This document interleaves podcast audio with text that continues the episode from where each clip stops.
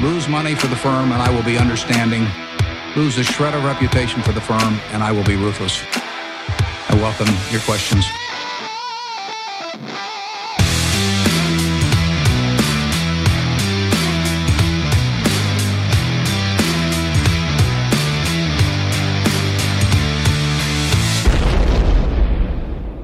Välkomna till Kvalitetsaktiepodden. Det är jag som är Ola. Ja, och det är jag som är Klas. Det här är avsnitt eh, nummer 86 som spelas in torsdagen den 18 februari. Mm.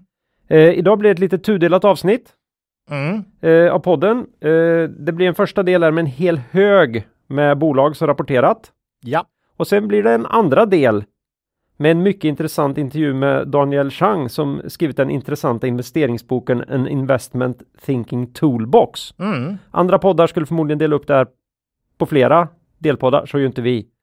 Utan vi går ju för fulla två timmar eller någonting här. Vi får se hur långt, Det, vi får se hur långt det här blir. det blir som det blir. Ni får använda pausknappen flitigt kan vi säga då. Jag är Mm. mest glad för att borrandet på våningen ovanför oss här har, verkar ha slutat. Nu jinxar du det Ola. Aj, aj, aj. Han Ja. har liksom hållit sig lugn. Han, eller hon, har ju Mm. hållit sig lugnt här, lugn här nu några timmar. Mm.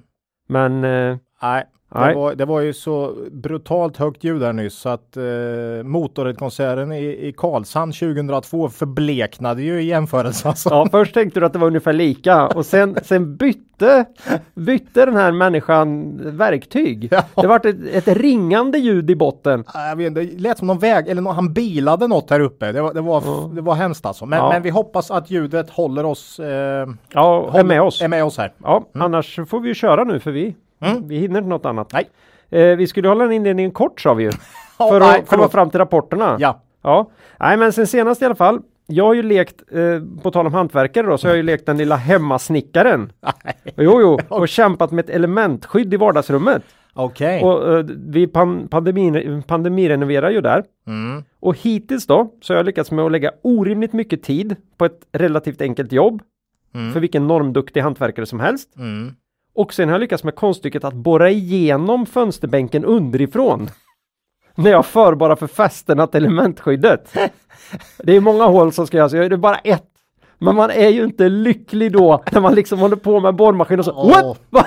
Vad hände? Vad hände Ja. där? Det var väldigt vad det gick. Det var väldigt vad det gick lätt. Men Claes, jag, jag Mm. har faktiskt några hantverkare som jag eventuellt skulle kunna tipsa om. Men ja, Ja, men det här har gett mig ny kunskap. Okej, vadå? För det har gjort att jag, jag nu nyligen här upptäckte att ordet förborrade inte är ett ord som känns igen av ordbehandlingsprogrammet Word. Nej, okej. Nej, det är alltså ett, eh, ett, ett ordbehandlingsprogram utvecklat för tjänstemän av tjänstemän. Typiskt, typiskt. Typiskt, ja. Mm. Ja, vad har du fyllt ut vakuumet som uppstår mellan våra poddinspelningsdagar med Ola? Nej, det har varit, den här har varit sjukt mycket jobb. Jag Mm. tror faktiskt att senaste veckan har varit den mest hektiska på ett år ungefär. Så att eh, nej, det har, det har gått fort. Ja. Mm. ja, jag kommer ihåg vi har eh, lite möten inplanerade imorgon. Och eh, när, som planerades för en månad sedan, så äh, det ser ju rätt lugnt ut där. Det är bara lite, lite rapporter. Ja, och, ja. Nu ser det dock ut som nästa vecka blir betydligt lugnare. Det är skönt. Och, och, och det kan vi nog tro på. Det är också sportlovsvecka här nere i Östergötland. Precis. Ja, Kavaljer Ola. Ja, det är vår huvudsponsor. Mm. De är med oss idag som vanligt. Ja, ja. Eh, De finns på Twitter. Ja. Och den 9 februari la de ut en underbar tweet Mhm. som visar att den, den, just den dagen hade deras båda fonder gått exakt lika på ett år. Jaha. Med I plus, procent. Ja, med plus 32,35 procent. Med decimal. Med decimal, två decimaler på den. Oj, oj. Och den ligger där. Okej. Så ni kan följa dem på Twitter. Så missar ni inget av deras intressanta inlägg. Och de fokuserar främst på innehaven i deras fonder och på fonderna i sig. Bra. Eh, och eh, ja, deras fonder är ju Cavalier Quality Focus och Cavalier Investmentbolagsfond. Mm. Mm, och man kan köpa andelar i de här fonderna där fonder finns. Ja. Man kan också kolla upp de här fonderna om man vill till och från på Morningstar. Där Mm. de går urbra i sina respektive jämförelsegrupper. Kul. Eh, och sen ska man då komma ihåg att historisk avkastning i fonder inte behöver vara en indikator på framtida avkastning och att ni kan förlora delar av ert satsade kapital då fonder kan gå både upp och ner i värde. Ja. Tack säger vi till vår huvudsponsor Cavalier AB. Tack. Ja, börsdata då, Ola. Värdeinvesterarnas bästa vän. Mm. Vad händer på börsdata? Ja, det här är ju vår äldsta samarbetspartner. Mm. Och nu då under rapportperiodens mest intensiva fas Mm. för oss som gillar midcap och small cap. Ja, den kommer ju lite efter. Ja, Ja, så får man ju inte missa möjligheten, möjligheten att läsa rapporter och, och prospekt direkt i börsdata.se terminal. nej precis. Nej, man får ju upp dem. Det finns en bar eh, längst till höger där Mm. man kan eh, välja att se bolagsinformation eller ska man få upp rapporter. Och beroende på vilken nivå man har på sitt abonnemang eller licens så får man upp mer. Ja, Mm. Och George då vill ju åter hälsa att rapporterna från USA kommer in betydligt fortare nu än tidigare i tjänsten. härligt. Så för er som vill hänga på vad som sker i det här rallyt over there Mm. så finns det goda, eh, goda möjligheter. Eh, jag älskar ju att läsa rapporterna direkt i terminalen och då ha full tillgång till historiken samtidigt. Ja, det, det ger ju en överblick som är grym. Mm. Jag tycker väl egentligen att de flesta borde ha haft ett ganska, en ganska bra period nu. Jag Mm. tycker att någon tusenlapp att avvara på börsdata är väl investerade pengar alltså. Jag, jag Mm. måste tycka det. Jag, det ja. Ja, det, de som det har gått bra för har ju redan förmodligen gjort det och just därför har det gått bra Ola. jag, de andra har det inte gått så bra för så de har ju ingenting att... Jag Ja, tror det finns en kraftig korrelation här nämligen. kan vara. Kan vara. Ja, ja. Ja. Nej, men jag, jag, jag tycker det är väl värt. Mm, jag, jag, tror, jag tror folk vet vad vi tycker vid det här laget. Ja. Mm. Men eh, ja, tack Tack. säger vi till Börsdata. Eh, ja, gud vad han jobbar de här dagarna George alltså. Ja, det, är, det är galet vad han kämpar för oss. Mitt men- hektiskt är kanske en normal dag för, eh, för George. Ja. Mm. Och tidigt sätter han igång också. Ja. Mm, nej. Eh, innan vi går vidare i avsnittet Ola, Mhm. vill vi påminna våra lyssnare om att aktieinvesteringar alltid innebär ett stort risktagande. Aktier kan både gå upp och ner i värde. Satsa därför aldrig kapital på aktier som du inte är beredd att förlora. Det vi säger i podden ska aldrig betraktas som köp eller säljrekommendationer. Gör alltid din egen analys av bolagen innan eventuell handel. Viktigt. Mm. Ja, då är vi igång här med den här första delen då av Mm. dagens podd. Ja, Eh, aktuellt. eh, ja, nej, men man får väl ta något. Vi har gjort det de senaste gångerna. Nu, nu är ju mycket dyrt här. Mm. Eh, vi har ändå vaskat fram några bolag här idag som vi tycker ändå kan vara intressanta att eh, Titta närmare att på. titta lite närmare på för er som inte har förlorat alla era pengar i, i GameStop eller, eller något annat. Eller, eller har liksom valt att gå ur på toppen där och nu sitter med massor med pengar Ja, då som man kan inte man vet också. vad man ska göra med. Ja, nej, det är så fruktansvärt starkt där ute nu. Jag kollade upp årets buy and hold bara. Mm. Plus 23 procent på två månader jämfört med OMX SGI 7. Mm. Alltså det går så, Så lät det inte om förra, den, den förra. Nej, Det är lite olika olika år kan man det säga. är olika olika år. Dock tror jag att förra årets buy and hold som hade ganska tufft förra året har gått riktigt starkt på slutet. Men det har jag inte Ja, kollat upp. Som det mesta. Nej, det går väldigt starkt och många känner ju, man pratar med många, man känner ju själv att allt man gör blir rätt på något sätt. Mm. Eh, Och jag tror det är många som har den känslan nu. Det byggs upp lite farliga självförtroenden här. eh, med tiden kommer det ju tyvärr då att komma igen sämre tider, det vet vi ju. Mm. Man får ju se när det blir. En annan sak som slår mig är hur väldigt ängsliga många blir när deras aktier går ner. Mm. Och hur ohämmat optimistiska folk blir när det går upp. Vi försöker på något sätt att hålla ett neutralt sinne oavsett ju. Mm. Vilket är svårt, men det blir på något sätt det här med liksom katastrof och eufori. Det, det blir så lätt att man hamnar där. Men det är väl för att när man är i det här euforiska staten så vet man att man egentligen inte har en aning om.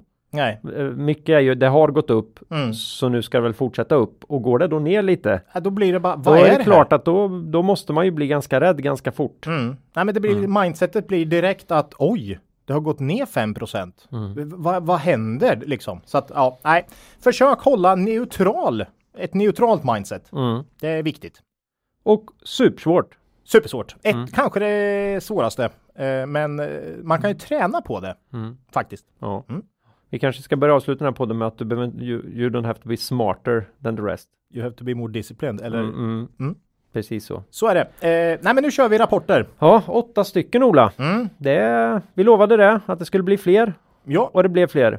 Eh, De vi inte mäktade med att plocka här idag av de mest intressanta eller oss mest närstående rapporterna kommer i nästa avsnitt. ja, och några har inte släppt rapporter Nej. än heller. Så Nej. Det, det, Så blir, är det. det. blir ett rapportavsnitt till. Ja. här. Mm. Bokstavsordningen eh, hjälper oss idag också att hitta rätt här. ja, Och då börjar vi med bekantingen Aspire Global. Ja, Det här är ju plattform för spel om pengar. Mm. som gjort några riktigt intressanta förvärv under 2020. Mm. Rapporterar idag. Ja. Vad, vad händer Ola? De var med i avsnitt eh, 79 från den 12 november senast. 12 november. Det var före den här ursinniga uppgången här då. Ja, då, Eh. det har hänt lite. Ja, eh, jo det har hänt ganska mycket sedan november fa- här faktiskt. I alla fall om man eh, ser på kursen. Ja, ja. Eh, I bolaget så hände nej, det, alltså Asperger släppte sin Q4. Den var, får jag säga, på pricken vad vi väntade oss. Jag Mm. tror också det var ganska nära förväntningar jag sett på Red Eye gör väl också här tror Mm. jag sådär. Så att, nej, men den var mycket in line kände Mm, vi. mm. Eh, omsättningen ökade med 38 procent. Där hade man ju lagt en update för Q4 innan då. Mm. Eh, och ebit ökade med 100 procent. Vinst per aktie landade på precis som vi väntat 0,07 euro per aktie. Eh, I januari för Q1 trodde vi på 30 procent tillväxt här. Mm. Eh, Vad hade och de? där hade de 34 i inledningen så att nej, men vi har vi fick liksom inte några, några skäl till att ändra våra framtidsprognoser särskilt mycket efter den här rapporten skulle jag säga. Nej. Utan vi, vi låg rätt helt enkelt. Eh, förvärven av Pariplay och B2Bet har vi pratat om förut och det här är riktigt bra. Eh, och Det verkar ju spela ut. ja, det verkar verkligen spela ut här. Eh, En osäkerhet vi har känt lite är väl den här bonden som skulle lösas här i eh, april. Ja, de skaffade ju sig en massa pengar för några år sedan för att göra de här förvärven. Ja, Mm. nu har man ju haft väldigt starkt kassaflöde så man löser det genom att eh, betala med kassan och ett brygglån på 10 miljoner euro, så ett le- mindre lån då. Mm. Eh, och man föreslår ingen utdelning då på grund av det här.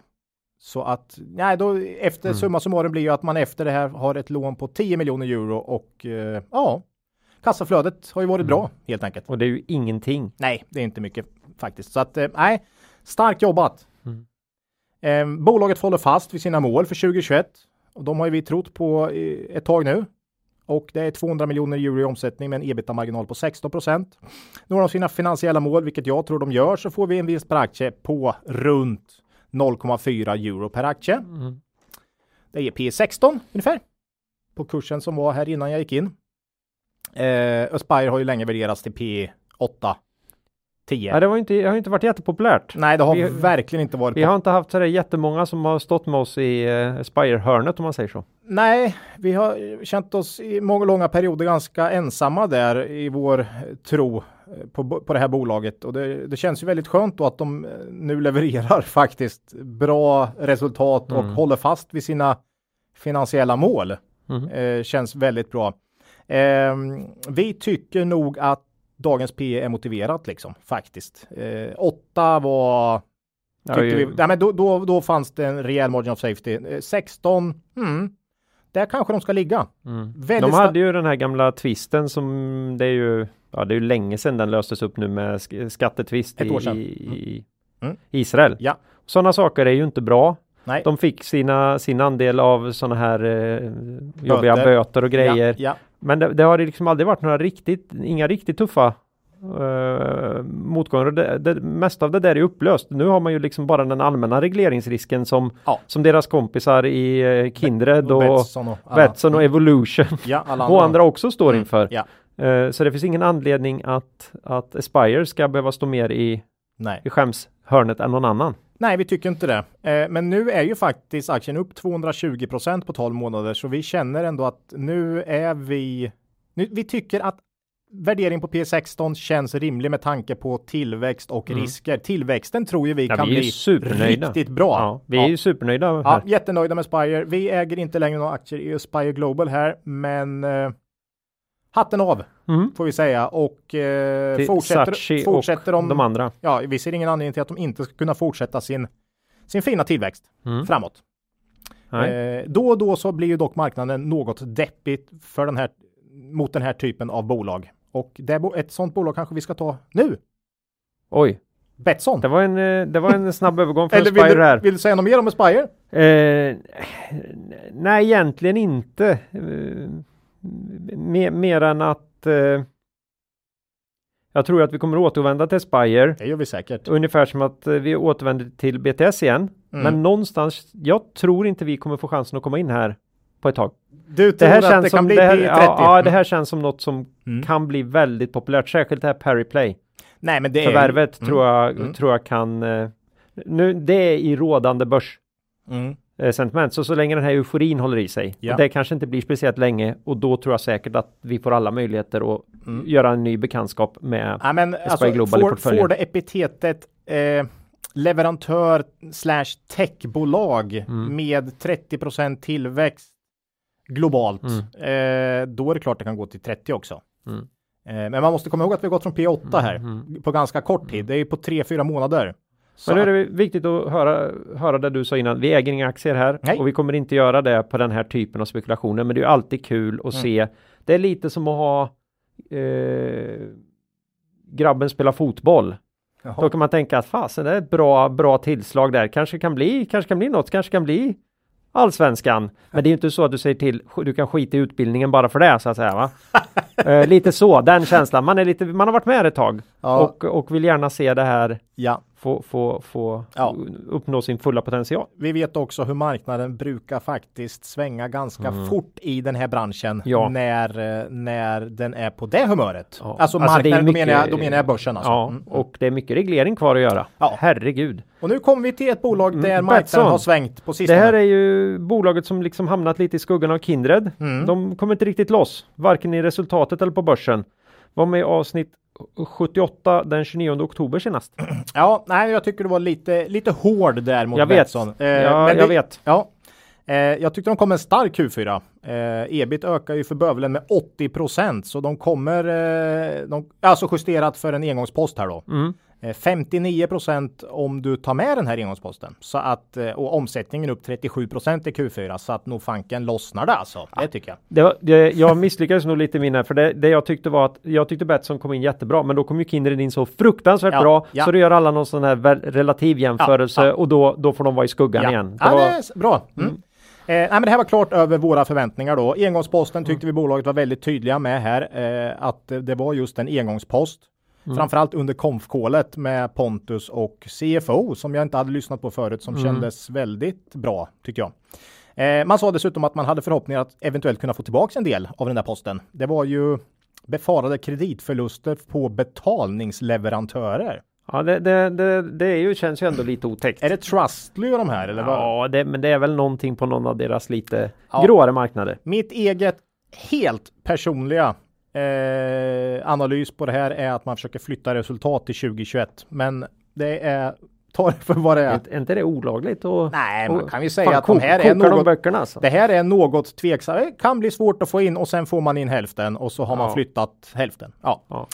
Eh, trading updaten för Q1 visade på en tillväxt på 26 procent. Justerat för valuta.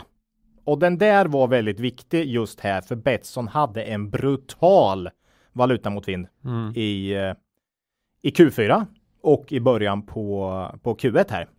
Just I SEK var det bara 11, från 26 till 11. Mm. Eh, justerade för valuta så var ju Kindred och Betsson ganska nära varann. Kindred 35 och Betsson 26 tror jag Mm. i tillväxt i Q1. Men i, i SEK blev det ju en, en hisklig skillnad då. Eh, och här tror ju vi att en del av valutamotvinden borde komma från Turkiet där eh, som är 15-ish procent av Betssons omsättning och där har väl tappat 50 procent på något år den valutan tror jag. Lite som Hartman. Vi pratade om Mm. Argentina som bara den Argentina peson som bara fortsatte droppa liksom. Eh, Ja. Men Eh, den har ju stabiliserats här. Ja, det har vi faktiskt noterat här nu att den turkiska valutan har vänt upp med nästan 10 Är procent. det lira fortfarande? Det vet vi inte. Jo, det tror jag. Ja, turkiska lira. Ja, ja. Mm. Fan, de li, li, Li- li, lirar i en helt annan liga där. he, helt annan liga. Ja. Mm. Alltså att eh, det är ju viktigt då att man kan kanske få lite valuta med vind här framöver. Mm. Eh, Norden, intressant, gick i bra både för Kindred och Betsson. Så det verkar som att det tar, alltså jag kommer ihåg Henrik Kärn... Ström? Berg. Ström. Ström? Ja, skit i det. VD i Kindred. Ja. eh, sa att det tar ju 6 till 12 månader för en reglerad marknad att börja generera Mm. pengar och 2019, ja det här tog väl nästan Två år. två år då. Ja, att- och då, då tittar man lite på det danska exemplet. mm. Men det har skakat till och från där också och sen har du en pandemi det här också som Ja, ja. sabbar jämförelsen lite. Nej, så att, men, men det är kul Ja. att se att Norden, alla marknader i Norden växte tydligen för Betsson. Ja. Eh, och, kul. det, och detta trots eh, de här eh, förbuden runt att hålla på och ösa ut olika typer av eh, bonusar och freespins och sådär. ja, faktiskt. Ja, och det märkte vi inte senast igår när det kom en riktig mega Bot. bot igen här i. Mm. På, eh, det var Common va, Mm. som hade sjabblat till det. Mm. Har inget med Betsson och Kindred att göra, men mm. eh, vi tyckte ju att den här Q4 var bra. Vi var nöjda med updaten för Q1. Förutom då att eh, valutan hade påverkat så hårt liksom. Mm. Eh, jag tror på vinst per aktie i år för 7,50 i Betsson. Jag har sett eh, uppskattningar på 7 kronor också och, och sådär. Eh, så att kanske ligger lite högt där. Men eh, ungefär runt där. Eh, kursen stod i 68 kronor här innan jag gick in. Det blir P9. Mm. Det ska jämföras. Du, vi pratade ju Spire här på 16 nyss. Mm. Eh, justerat för ut, man ska ju dela ut här. Det är 5,5 5,5 procent i direktavkastning. Justerat för den så är det låga 8,5 i P Mm. på Betsson. Eh, Betsson är en stabil utdelare. Och detta är ett OS-år. ett Va? OS-år. Va? Va? Är också stabil utdelare. Det var Ja. en av de få som delade ut. Till och med Kindred ställde ju in i våras. Mm. Men Betsson fortsätter dela ut och man ligger alltid spot on exakt på 50% av nettoresultatet. Man, det är inget vi ska Mm. hålla någon, någon, någonting i absoluta tal utan vi tar 0,5 gånger årets resultat i vinst per aktie. Det, där, det där tycker jag är smart. Ja, det blir Mm. liksom. Och kassaflödet är ofta bättre än resultatet så att eh, då har man till förvärv också. Eh, och jag tror ju man kommer fortsätta förvärva och att tillväxten kommer fortsätta för Betsson. Värderingen här jämfört med antagonisten Kindred har ju divergerat något fruktansvärt sista tre månaderna. Kindred är upp 80% Betsson är oförändrad. Båda aktierna handlades i 75 kronor i december. Nu står Betsson i 68 och Kindred i 125, nästan dubbelt upp på två månader. Kindred värderas nu till 30 miljarder och Betsson till 10. Pontus Lindvall lär göra allt för att stänga det här värderingsgapet igen så att säga. Mm. Eh, Nej, nu är marknaden ännu en gång så här extremt eh, njugga Mhm. I sin syn på Betssons framtid. Den här gången pratar man om Turkiet, det är Tyskland, det är Holland, det är valuta mot vind etc. I Kindred verkar ju ingen oro finnas alls för något för tillfället. Nej, de är ju USA vet De är i USA, det är ju 2 det är 1 till 2 av Det- omsättningen. Ja, nej, det är ju Det kanon. spelar ingen roll att vi inte har en aning om vilka marginaler man kan få där. nej, och nej att man så, alltid måste ha, gå via en, en, en ja, tredje part, eller egentligen du är en tredje part, för det finns alltid någon annan som Ja. har licensen i botten. ja, och man ser mycket. Mm. Nej, nu, är det, nu, nu växlar man över från Betsson till Kindred här och Mm. eh, man ser riktkurserna justeras upp med 100 i, i, i Kindred och Mm. sänks för Betsson. Eller tvärtom. Eh, nej, sänks för Nej. Betsson. Ja. Dessutom två blankar har kommit in här också. Mm. Så att det finns liksom inget hejd på det här då. Var är Wall Street Bets när man väl behöver dem? Ja, ja fy fan. Ja, det, det dröjer vet du. De håller på, de, de tar nya tag i Nokia eller något sånt där. Nej, vi, vi känner så här, historiskt har det ofta varit väldigt lönsamt att köpa Betsson när marknaden har fokuserat på det negativa. Eh, För över tid har de haft en väldigt, väldigt bra eh, stabilitet i lönsamhet och tillväxt. Man får nu ett digitalt globalt bolag till P9. Det känns, det känns som en bra risk-reward även om det skulle vara lite motvind för Mm. närvarande. Pontus Lindvall och gänget brukar leverera över tid och vi tror det framåt också. Eh, fortsatta förvärv såklart möjligt. Starkt Mm. kassaflöde. Eller varför inte som i våras? Man köpte ju en hel del egna aktier då i, Lite återköp. i raset. Ja. Eh, varför inte istället för att lägga, köpa ett bolag så kan man ju Köpa sig själv. köpa, köpa egna aktier för fem, köpa upp 5 eller Mm. Man köpa. kan ju plocka upp lite av blankarna ja, igen. precis. Man möter blankarna här på 67 spänn. Mm. Eh, ja, Ja. Pontus lär göra det optimala tror jag. Mm. Eh, vi äger aktier i Betsson som de flesta vet. Mm. Mm. Det gör vi och då är det väl viktigt att poängtera här att eh, Vi är högst subjektiva. Ja, ja. När det, gäller, när det gäller den här eh, ned, eh, nedskrivningen de gjorde så vi har ju ingen aning. Det kan ju varit så att det där är förlorade pengar. De kommer de aldrig se röken av igen Ja. och det ger dem problem. Kan ge dem fortsatta problem även framåt om Mm, det inte mm, finns alternativ mm, till den här betalningsmedlaren och det här med återköp. Det har vi ingen, Ingen aning aning. om Nej. whatsoever. Nej, jag försöker Mm. vara objektiv. Eh, och eh, det finns risker. Det är väl Mm. Turkiet valuta. Det, Holland ska ju regleras här kanske under hösten då. Mm. Man är Eh. inte tydligt med lika starkt på den här nya emerging marketen i USA. Nej, men man har Eh. däremot Sydamerika Ja. och så att mm, jag tror ju tillväxten kommer fortsätta. Men det är ju min egen tro här. Eh, alla får bilda sin egen uppfattning. Mm. Ja, och, jag, jag eh, tänkte vi kanske skulle börja säga till lyssnarna att de måste göra sin egen analys. ja, har vi gjort det någon gång? Bra. Nej, Nej, Nej. jag tror har missat det. Det är jätteviktigt att Ja, man gör sin ja. egen analys Ja. innan man handlar i bolag. Då. ja. Mm. Eh, Särskilt i Betsson idag då. Mm. Betsson till P9 eh, gillar vi. Ja, Det tycker vi jättemycket om. Mm. då tar vi nästa Eh, ja, det blir ju det då. Något helt S- annat. Som i Doro. Eh, Det här är ju en kapfavorit inom telefoner till äldre och trygghetslarm. Jag säger ju DE går före DO. Dedicare. Eh, det, det är inte konstigt att du säger det Ola. eh, eftersom jag helt enkelt har skrivit över eh, Dedicare här. Okej. Mm. Eh, så att eh, det var väldigt tacksamt av dig Ja. att, att eh, fånga upp mig. Ja, Då vet inte jag när Dedicare var med senast. Nej. För det har jag lyckats radera här. det vet jag. Det Bra, var, det var bara två poddar sedan. Ja. Så det var liksom inför rapportperioden. Mm. Väldigt nyligen. För jag tänkte säga, vi lovade ju återkomma. Ja. Och då ska vi återkomma. Dedicare är ju ett bemanningsföretag inom ja, mest läkare Mm. Och eh, ja, sjuksyrror. Ja, Och lite socionomer också. precis. Och de, till skillnad från några andra branschkollegor, är ju väldigt trevligt spridda i Norden mm. och har ett starkt fäste i Norge.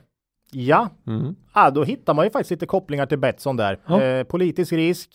Eh, fi- finns i Norge. Ja. För, men här går man faktiskt här, väldigt bra här, här verkar de vara uppskattade till skillnad från Betsson så gill, verkar ju norrmännen gilla Dedicare. Även Ja. politikerna. Ja, nej, vi pratade om, om Dedicare för två avsnitt sedan då, då Mm. eh, och man levererade en väldigt stark Q4 här. Eh, Mm. Vi berättade ju då här också att vi hade köpt aktier i Dedicare och de har vi ju kvar. Mm. Eh, omsättningen ökade med 33% i Q4 och rörelseresultatet med mer än 100 Mm. Eh, det fortsätter vara Norge och det danska förvärvet som driver resultat och tillväxt. Sverige går fortsatt mycket svagt. Men där noterade jag att omsättningstappet nu verkar plana ut. Man skrev dessutom att man inom socionombemanningen ser ett trendbrott. Och, eh, och att man där nu ser ökad omsättning och lönsamhet faktiskt. Mm. Så det är intressant. Om det kanske kan bottna ur i Sverige på något sätt. För det har ju varit riktigt Nej, mörkt. men vi hade ju den här eh, perioden med den stora, eh, ja nu, nu är jag så kass jag inte kan säga. Alltså vi hade naturligtvis stor flyktingvåg från Syrien Ja. och turbulensen där nere men det fanns ytterligare några eh, vågor. Mm. Jag ber om ursäkt till alla Mm. som känner folk som har varit med i de här. Mm. Men det var en väldigt stor anstormning eh, som belastade Migrationsverket kraftigt men även alla sociala 16, Funktioner. 2016, 17 och, någonting, och, och, och det här har ju naturligtvis gett följdeffekter. Men sen när de mattades av, dels så hann man ju i kapp Mm. och lyckades anställa själva. Ja, du menar socionomer? Ja, socionomerna. Ja, ja, mm. Och, eh, ja, så, Ja, kan- och, och dels så har ju trycket minskat naturligtvis i takt med att Mm. eh, många människor börjar komma in i samhället eller så har man ju tyvärr fått åka hem då. Mm.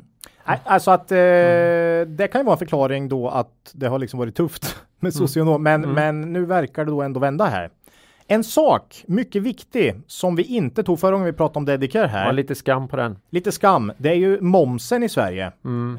eh, som vi kände till men som vi inte tog upp här. Ja. Eh, det är nog en ganska stor förklaring till att Sverige har haft eh, att, att det har varit så tufft för eh, sjukvårdstjänstbemanningen i Sverige. ja, man kom ju fram till där för några år sedan att det här är ju för privata bolag så är ju det här momspliktigt. Ja, eh, i mitten av 2019 så ska man fakturera sjukvårdstjänster med 25 moms. Moms då. Det är en viss kostnadsökning. Ja, en viss. Sedan får kommuner och regioner så att säga begära tillbaks momsen, men privata aktörer inte får det ju. Mm. Tilläggas här är ju att regionsjukhus som drivs som AB, till exempel Danderyd och Södersjukhuset, inte får begära tillbaka momsen. Så Mm. att Här Det- vill jag också tacka de lyssnare som uh, uppmärksammade oss Ja. på det här ganska så raskt Mm. eh, efter det här. ja, ja. Vi tycker inte det Avsnitt. påverkar vår syn på Dedicare, snarare förklarar tappet i Sverige och möjlig, möjligen gör att om det här skulle reverseras på något sätt skulle det kunna Finns en uppsida. en uppsida då. Eh, men, men, men självklart har det här varit en stor bidragande orsak till tappet här i Sverige ju. Eh, jag tror bara fick från någon lyssnare där att det är Centerpartiet, tror bara det är Centerpartiet som driver driver frågan att man ska reversera det här då. Eh, men det får vi se. Mm. Det vet vi inget om. Eh, det är tur för Dedicare att de finns i fler länder som du sa. För NGS har ju haft det väldigt tufft eh, med en väldigt tung del i Sverige Mm. här. Eh, förutom Norge och Danmark har man ju också en liten tå in i Finland här. Mm. Men där har man ju liksom inte riktigt börjat, där, där man skrapar lite. Eh, skulle vara intressant med ett förvärv där. Jag vet inte hur den potentiella marknaden ser ut där Nej, heller. inte jag heller. Men är man där och skrapar så mm. eh, man har ju 100 miljoner i kassan. Så men jag, jag tror definitivt att man skulle kunna om man kände. Nu har man i och för sig ett förvärv i Danmark här som man håller på att jobba in. Men jag tror att 2021 eh, fortsätter med tillväxt här för Dedicare. Dels på grund av det här förvärvet i Danmark som kom in någon gång mitten på året eller Q2 tror jag. Mm. Eh, Men också förhoppningen att den planerade sjukvården här, framförallt i Sverige, kommer tillbaka successivt ju. Eh, läkarbemanningen har ju inte gått särskilt bra här. Nej, man är ju mycket specialistläkare också. Ja, Och alla är ju inte specialister på en eh, på mm, akutsjukvård och covid direkt. nej. Eh, Så att mm, jag läste någonstans, det var väl för någon månad sedan, att det var 100 000 operationer som låg i någon form av, eh, hade ökat med liksom Mm. I kö. i kö då. Mm. eh, Dedicare som vi ser det har inte summa summarum varit en vinnare på covid-19. Utan vi ser det som att sjuksköterskorna nog har haft mer att göra medan läkarna har eh, haft mindre då så att säga. Jag uppskattar väldigt specifikt här 58 miljoner SEK i ebit under 2021. Mm. En, eh, en, en gissning så god som någon tycker jag. Eh, Med en nettokassa på 100 miljoner landar ev ebit på 6 vid en kurs på 49 kronor. P 10. Eh, det är lågt. Dedicare har haft en snittvärdering på P 14 de senaste 10 åren enligt börsdata och det tycker jag känns rimligt med den tillväxt man har haft. Direktavkastningen är mer än 5 här, precis som i Betsson. Eh, risker är väl framför allt, precis som i Betsson, politiska. Fan, det fanns ganska mycket likheter mellan Betsson och Mm. och Dedicare, men det är väl sådana case vi, vi gillar. Nej, men politiska risker, eh, hyrstopp, man, den där hör man ju Ja, ja. Till och från. Eh, Det kommer säkert en debatt i Norge nu om, Ja, eh, om ja. eh, Nu verkar faktiskt inte timpriserna vara så himla höga i Norge ändå, med, utan snarare att Dedicare tar extremt med marknadsandelar här. Eh, det, jag, så Dedicare verkar gå orimligt bra i förhållande till andra ja, de tecknar ju nya avtal här på flera år och allt Ja, möjligt. ja. Ja, det är också en, en risk i Dedicare. Mm. Eh, avtalsskrivning så, så att säga, Ja. vi- vad de landar på. Men vi tycker Dedicare på de här värderingarna är eh, fortsatt mycket intressant och eh, en aktie som är in, lågt värderad. Mm. Vi äger ju aktier här i Dedicare som vi sa för några avsnitt sedan och eh, ja, vi rullar på där. Eh, Mm. Får ni kolla, ganska tunn hand, nah, sådär. Inte jättetunn handel, men ganska tunn, så man får vara lite försiktig så. Men, Mm. Men, nej, men intressant bolag. Bra direktavkastning. Ja, Det är alltid skönt om man, om man känner att värderingen är låg. Då får man liksom nå- något på vägen här. mm. Mm. Om det inte skulle bli någon uppvärdering så att säga. Ja. Ja. Nej men eh, definitivt. Eh, nu inser jag ju, för jag hade skrivit det här med eh, egen analys här också, Mm. att eh, det var ju lite kopplat till eh, Dedicare naturligtvis. Ja, Där, eh, den, den aktien gick jättebra en, eh, en torsdag ja. för, för eh, några veckor sedan. Mm. Idag kommer vi dock släppa avsnittet efter stängning. Ja, Så att, så, att, så nu finns det gott om tid att göra sin egen analys. ja, precis. Ja, Ja. och det tänker vi försöka fortsätta med när vi, när vi inser att vi pratar om aktier som är lite för tunna och Mm. vi är positiva. Ja, Ska vi se om vi grejar det. Det är ett försök. det är ett försök. Det kan bli olycksfall i arbetet när man har suttit och klippt och äntligen är man nöjd och glad Ja. och då Ja, det gäller att komma ihåg det också. det, ja, För vi tänker ju släppa podden så fort vi kan Ja. annars. Ja. Eh, För det, vi vill ju inte ligga och tjuvhålla på den. nej, Så man kan lyssna på den på vägen hem från jobbet och så ibland. precis. Ja, det var Dedicare. Nej, men vi, vi rullar på i Dedicare där. Ja. Tycker den, det var en stark rapport. Ja, Mm. då undrar jag Ola här om det inte är så att vi faktiskt har nio bolag idag. Ja, då kanske vi har det. Eh, så vi ändrar oss. Vi, vi ändrar oss från åtta till nio bolag tror Okej, jag. Så får vi se vilket bolag jag tror att vi ska prata om. Som när du säger att det tror jag inte vi ska prata om. Det blir jättespännande. Eh, mycket spännande. Mm. Eh, Doro. Ja, nu, blir det Doro.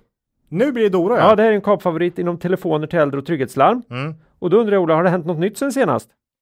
Alla de här bolagen ser jag nu nästan har vi fått från lyssnare också. Mm. Ni måste följa upp och bla bla bla och sådär. Ja, så att Dora har vi Dora har fått. Ja. definitivt varit ett sånt. Mm. Var ju ett tag, så avsnitt 72, 6 augusti, så det är ju över ett halvår sedan då, eller det är ett halvår sedan. ja Mm. Doro. Eh, Q4 här då. Eh, omsättningsmässigt ungefär som vi hade väntat oss, men vinsten var lite bättre Mm. än väntat. Eh, justerar man för engångsposten var vinsten, vinsten klart bättre än vad vi hade trott. Mm. Och det är som i många andra bolag att eh, Man reser inget. Nej, och eh, man har dragit ner på kostnader och eh, i Doros fall även en bruttomarginalförstärkning inom framförallt phones. Känner väl de är också en ganska stor vinnare på eh, dollarförsvagningen här. Ja. Eh, omsättning inom phones var såklart fortsatt hämmad här av pandemin. Eh, men även att man har börjat planenligt fasa ut mindre lönsamma marknader. Det har man ju sagt som en av de här åtgärderna för att för att spara pengar då. Mm. Eh, lönsamheten inom Phones förbättrades rejält faktiskt och eh, det gör ju att man kanske börjar tro lite på det här. Ja, kanske inte hela deras målsättning för hur mycket man ska spara, men att det kanske rör sig ditåt. Mm. Eh, sen är det ju andra saker som just under 2020 har gjort att många bolag har för, förbättrat lönsamheten. Den är lite kul det här. eh, I vanliga fall så passar ju bolagen på att göra sådana här urstädningar i när det blir en riktig lågkonjunktur. Nu har Mm. vi inte haft det på Nej. evigheters evighet. Nej. Nu har ju liksom äntligen den här pandemin kommit. Mm. Men, men, eh, alla, ja, men alla stimulanser gör ju Ja. att de fortfarande går mycket bättre. Många av dem går ju mycket bättre än vad de hade tänkt. Ja, Men man kan ändå passa på och och röja upp. Nu har man det här.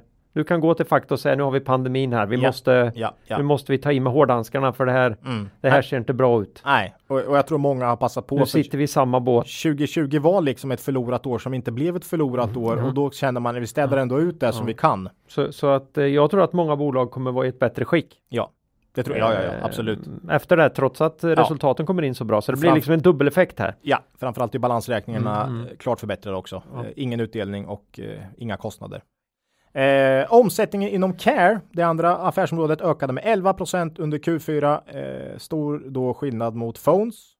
Den organiska tillväxten justerat för valuta var cirka 5% Lönsamheten inom Care drogs ner av 5 miljoner i engångskostnader. det var som du sa där då. Samt högre kostnader för att upprätthålla tjänsteleveransen under covid-19. Eh, sjuka, sjuk personal antar jag. Alltså, etc. de har ju ganska stor verksamhet i UK. Ja, Och UK har baske inte haft eh, skoj under Nej. den här eh, pandemin. nej. Det har varit hårt drabbat alltså. Ja, så att eh, det kan nog förklara en hel del där. Mm. Eh, Doro har ju varit en coronaförlorare. Det är ju, eh, det är ju tydligt, men eh, man får ju ändå tro att mycket av det här kan vända Mm. när pandemin släpper så att säga. Det här massiva besparingspaketet jag nämnde, det skulle väntas ju alltså kunna spara 110 till 130 miljoner per år jämfört med 2019 års kostnadsnivå. nivå. Alltså det är lika mycket som Doros årsvinst. Mm. Och vd stod fast vid det här konfkålet nu här i, igår. Eh, Det är ju rejält. Ja, det ska ju successivt synas i Doros siffror. Dock ska man ju komma ihåg att omsättningen ska ju förmodligen ner här också. Så att det blir ju inte 110 till 130 på resultatet tror inte jag. Mm. Om jag säger så. Ja. Eh, kostnader för det här eh, belastade kvartalet då med 9 miljoner, eh, men kommer säkert belasta lite under Q1, Q2 med tror jag. Kassaflödet riktigt starkt under året. Dora har helt plötsligt nu en nettokassa då.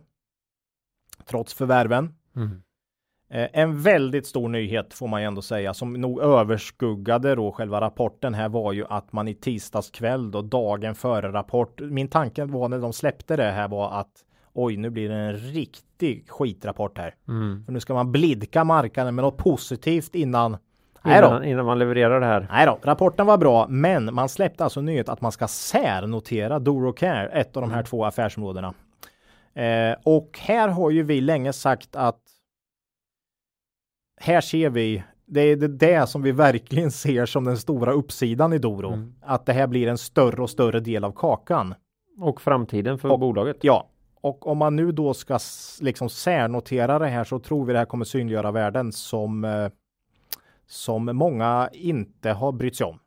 Helt enkelt. Nej. Och det har varit, vi tog ut det här i vår buy and hold och det var ju själva huvud Spåret. spåret i Mm. den eh, varför vi haft med Doro som ett bra buy and hold case liksom. Det här är ju spännande. Nu blir det helt omvänt. Nu kommer vi få fler bolag i vår buy and hold. Vad skumt ja. Mm. Jag tänkte inte på det. Det blir ju två, det blir elva bolag här. Ja. Nej, det är bra. Nå- något uppköp och så, och så Ja. delar. Då är det Ja. tio snart igen. ja, härligt. Nej, det har vi inte. Det är första gången. Ja, Nu är det ju inte är genomfört. Nu är det inte spikat i, i sten här än, men man, styrelsen eh, har, eh, har i alla fall sagt att man ska föreslå det här då. Eh, Mm. och man, bolaget ska börja eh, liksom förbereda för det och så ska man ju föreslå, det måste göras på en stämma ju. Mm. Ehm, ja, ja, det är intressant. Vi tror ju att Care kan få en relativt hög värdering här. Mm. Det är ju Vi kommer ju återkomma till eh, just den här grejen i slutet, Avknoppningen. ja, avknoppningen i slutet av podden här med, det. med lite förslag till eh, styrelsen på vad, vad man bör döpa ett sånt här nytt bolag till. Ja, just det. Lyssna, eh, lyssna lite senare här. Ja, vi tar det under makro för det känns mer makro namn på bolag. Ja, nej, jag har läst eh, någon analys här igår från affärsvärlden och det var väl även eh, ja, nå- någon mer som släppte någon analys här idag. Om båda de landar väl runt 70 kronor i något motiverat värde nu. Mm. Eh, Doro står väl i 53, 54, 54 kanske nu idag. Eh, det är oerhört svårt att sätta ett värde på care tycker vi. Vi kan bara säga att det kan vara, det, det bör, det bör synliggöras värden som inte finns idag. Vi, vi har, den ytterligheten uppåt, det var ju det här eh, förvärvet i USA 2018 där någon betalade 850 dollar per abonnent för ett liknande bolag i USA. Det skulle ge 2,6 miljarder för enbart care-delen med Doros 372 000 abonnenter. Eh, Hela Doro värderas ju till hälften idag. Så, så, så att eh, en ytterlighet. Mm. Vi tror kanske 15 gånger ebit eh, är mer rimligt och då landar vi nog hyggligt nära de här 70 kronorna som de andra här eh, tyckte var rimligt. Mm. Faktiskt. Eh, ja. Intressant år för Doro. Även om uppdelningen inte skulle bli av så tror vi att man kan leverera 4 och 20 i vinst per aktie för 2021. Eh, och det tycker vi motiverar dagens kurs på 54 kronor i sig bara. Mm. Så att eh, nedsidan känns begränsad men uppsidan finns ändå där om det här eh, den här, ja, vi tror det kan bli en snackis faktiskt. Eh, och vi tycker att nedsidan känns begränsad. Mm. Så att eh, ja, Ja, nej men det här är ju, blir som en om, omvänd variant av det Indutrade håller på med. Att ta in bolag som är jättelågt värderade, ofta utanför börsen då och sen Ja. eh, får, får man sin multipel på dem. ja, Här tror man väl att eh, det, care, care göms i, i det här tråkbolaget med en döende som man då upplever telefontillverkning mm. till äldre. Ja. Och det där tycker jag är jätteintressant för det var det första jag sa att jag är inte säker på vem som långsiktigt kommer gagnas mest av det här. nej, Jag tror ju att telefondelen kan få en revival här för de har liksom fått vara den här tråkiga, Mm, mm. det här gammelskiten som liksom bara ska kan du inte gå, ja men dö lite långsamt då så att vi hinner liksom Ja. bygga den här, det här nya benet. lite så. Nu jäklar ska, ska Care få stå för sig själv här och det Mm. tror jag det kommer göra väldigt bra. Ja. Men man håller ju, man fortsätter ju att sälja bra de här telefonerna. Det här Ja. är ju ett marknadssegment som de stora verkar ja, inte vara så heta på att gå in och ta. Nej, Och kanske inte är så lätt att ta heller. nej, och man har en omsättning på en, en och en halv miljard Mm. i phones och man gör 7% ebit-marginal eller något och den kanske ökar nu om man Mm. Omsättningen sjunker ner mot kanske 1,2, 1,3 Och det är ju inom det området man också tror sig kunna göra de här stora besparingsförbättringarna Ja, också. absolut mest största delen Mm. är ju där så att omsättningen kanske sjunker något från 1,5 till 1,2 Mm. men eh, lönsamheten kan ju gå upp så att nej, det är klart, det får ju inte noll på början. Herregud. Nej, Det- absolut absolut inte. inte. Men säg kanske sju gånger ebit på den Ja. och 15 gånger ebit på den andra. Nå- något sånt. Mm. Eh, ja, nej, men Det vi, ser är, intressant ut. mm, vi äger aktier i Doro gör vi faktiskt. Eh, det- Igen. igen ja. Mm. Mm. Det här känns spännande. Eh, blir mycket intressant Det var att följa. kul, det var en stor glädje. Vi har ju tyckt det varit lite segt. Mm. Och så får man en sån rackare och Mm. inte en helt orimlig reaktion ändå i aktien. Nej, var 10% upp. Ja. Nej, det, det stannar nog på 15 faktiskt tror jag. Så Ja. Att, ja. Mm. Mm. Men eh, ja. Eh, ja, det tog en liten stund innan det hade gått hela vägen där Ja, i alla fall. Så att, uh, nej, det var trevligt. Mm. Nej, men vi äger aktier. Det är spännande. Mm. Kom ihåg att det är fortfarande pandemi här så att Q1 kanske inte blir askul. men Nej, vi får se. vi får verkligen se. Ja. Ja. Eh, nu, nu ska du få ta ett bolag va? Ja, du kommer ju få kliva in kraftfullt här. Oj. Eh, det är nog därför det eventuellt är nio bolag då. Mm. Eh, jag insåg ju att vi hade lovat att vi skulle eh, ta upp Inwido igen. Mm. Det här är ju fönster och dörrar eh, som vi då har antytt. Som Inwido har... Nej. Ja, som Inwido har antytt att det här skulle kunna bli en sån här ESG-kelgris. Eller att vi tycker det är konstigt att just de får stå vid sidan av när bolag som Systemair får flyga iväg då. Mm. Eh, var ju med här i avsnitt 80 från den 26 november. Och de, det var en vecka sedan de släppte sin Q4. Ja. Och Henrik var ju förresten med, med i, i- intervju här det, också. ja, det är just det avsnittet 80 där. Okej. Eh, och eh, där kan man lyssna på. Det var en, tyckte vi blev en ganska bra intervju. Mm. Eh, och det är ju deras bokslutskommuniké också. För Mhm. man har ett normalt år. Ja. Eh, och eh, ja, vi har ju varit ägare här tidigare. Mm. De gör sitt bästa resultat någonsin. Ja. Både när det kommer till omsättning och vinst. Även om skillnaden är som, så, som den har varit i många andra eh, bolag nu är störst på sista raden med vinst över en halv miljard för första gången. Mm. Ja, gratt. Det är ju stort. Ja, Mm. grattis säger vi. Mm. Eh, orderstocken är mycket stark. Ja. E-handeln har ökat bra i spåren av pandemin och står nu för 12% av omsättningen. Mm. Det är inte jättedåligt för någon som säljer eh, fönster och dörrar Nej. som går eh, mycket via hantverkare och så naturligtvis och bygghandlare Ja, det, så är det. där man känner att man vill ha lite stöd på Mm. vägen. Mm. Men de bygger in det i sin, i sin lösning. Mm. Man eh, ska dela ut. Ja. 4,50 ger eh, 3,5% direktavkastning på dagens kurs. Ja. Urstark balansräkning nu efter bra kassaflöden Ja. och en, eh, det ger en nettoskuld genom ebitda på runt 1. Ja, den var ju... Det var ju Kommer en av de när vi här, började ja, kolla på en det video för här något blir år som sedan? Byggmax. Liksom. Ja, nej, nej, så, riktigt så illa var det. Men Nej, men ja, det, alltså, Ja. det, det går så fort. Jo, alltså... fruktansvärt snabb Inwido förbättring. var ju liksom... Ja. De Mm. använder ju, de har ju den här egna operativt ebitda Ja, och, och så de, de räknar med, då säger de att den är till och med nere på 0,9 nu. okej. Men du kör e ebitda. Ja, jag orkar inte, ja, IFRS-rensningar och sådär, Ja, det är ja, så pass lite så jag känner att vi, vi ligger ja, där. Man, man kan lugnt säga att balansräkningen har förbättrats i alla fall. Och, och när man då säger, precis som, som eh, Henrik sa när han var med här i podden, att man fortsätter aktivt leta förvärv Mm. och att man kanske haft lite uppsida på grund av pandemin, men att nu, eller uppsida, uppförsbacke Uppförsbacke. på grund av pandemin. Mm. Jag är övertygad också om att de kommer hitta något ytterligare under året här. Det är ju något vi inte riktigt Ja, jag har med faktiskt det i, i Mm. viss tillväxt här Ja, under vi har året, i med- våra prognoser. För, för vi Mm. tror det så starkt att det kommer ett förvärv. Ja. Mm. Och vi räknar ju med då en 7-8% omsättningstillväxt, men Mm. vi tror inte de kommer växa organiskt kanske mer än en 2-3%. Nej. Så att det krävs ett förvärv här. Eh, ja, och eh, det är ju bra eftersom de ju mer eller mindre stått stilla några år Mm. omsättningstillväxtmässigt. Ja, de har inte förvärvat något sånt. Ja, och det här då motiverar ett P runt 14 kanske, Tycker vi. tycker vi. Mm. Eh, och kommer de då kunna eh, tjäna eh, 9,50 Mm. tror vi det? Ja, det är väl rimligt. 9,30, 9,50. Ja, placera tror att de kan tjäna ungefär 9,30. Mm. Då har vi här ett P på 13-14 någonstans på dagens kurs. Ja. Ja, då är de då- hyggligt, hyggligt nära det vi tycker då. ja, tyvärr. Mm. Vi inser ju då att sätta P14 på det här. Mm. Ja, då tar vi inte med något av det här ESG. ESG-bitarna. Nej. Eh, bitarna. det kan ju natur- naturligtvis driva en sån här multipel uppåt rejält. Ja. Men det är ju ingenting som vi Nej, det gjorde vi inte Systemair heller. Och, Nej. Det är ju så. och eh, vi kommer tyvärr fortsätta och inte Göra så. göra så eftersom det där är ju inte drivet av något bolaget gör utan någonting som bolaget uppfattas som av marknaden. Ja, lite så. Mm. Eh, ESG, hela trenden med renovering av fönster. Klart det kan, alltså det gynnar fönsterbranschen. Mm. Eh, men vi tror ju på en långsiktig tillväxt i en vi- Inwido på 7 till 8 procent. Någonting sånt. Eh, och då är P14 rimligt tycker vi. Ja, nej, vi tycker den är rätt värderad nu. Ja. Och den här Det var roligare när det var 8-9 i P. Ja, det var, det var då, kul. då var det Mm. kul att Ja. vara med här. Ja.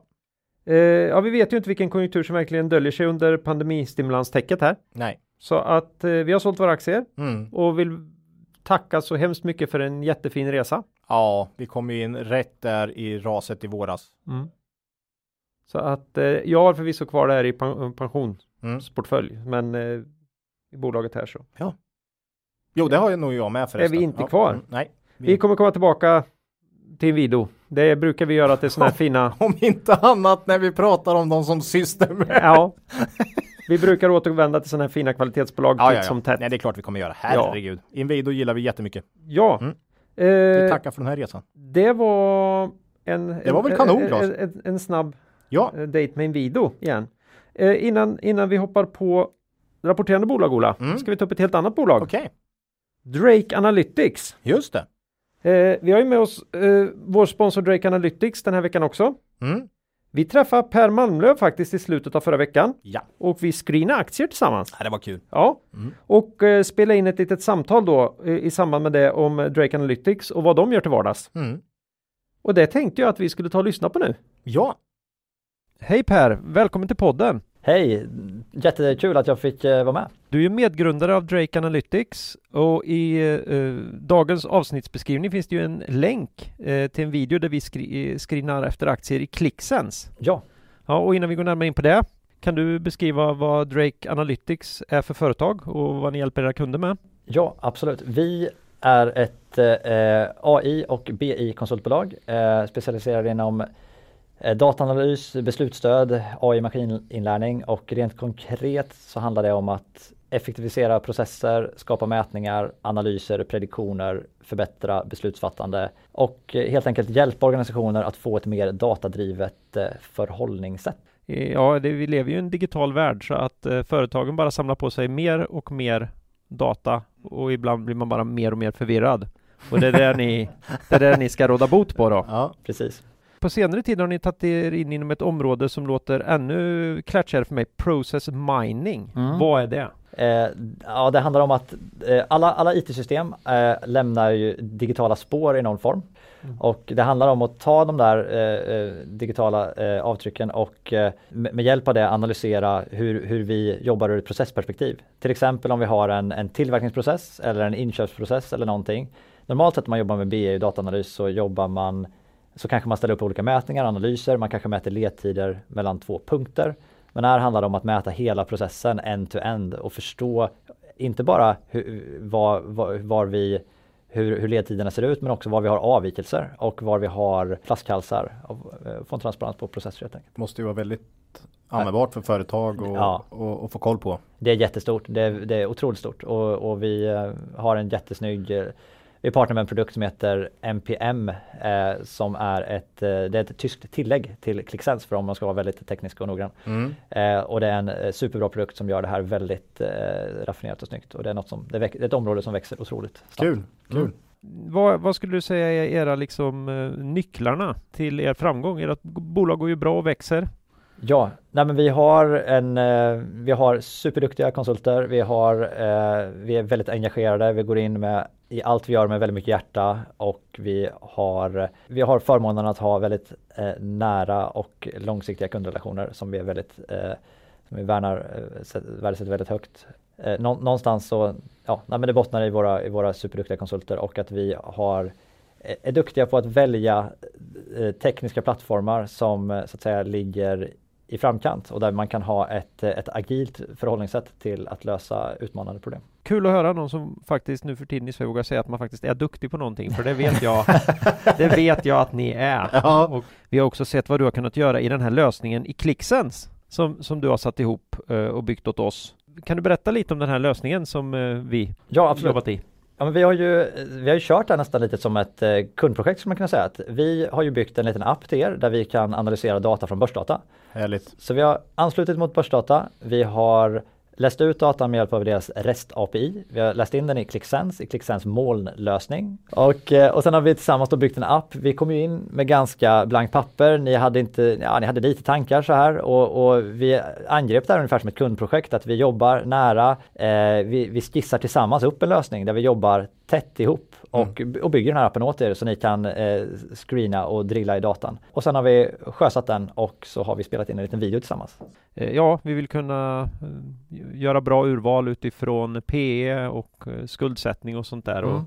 få det här grafiskt Mm. på ett sätt så att man inte snävar in för mycket från början, för det är en liten risk Det är en risk. när, när man ska sitta och jobba i tabeller och i Excel.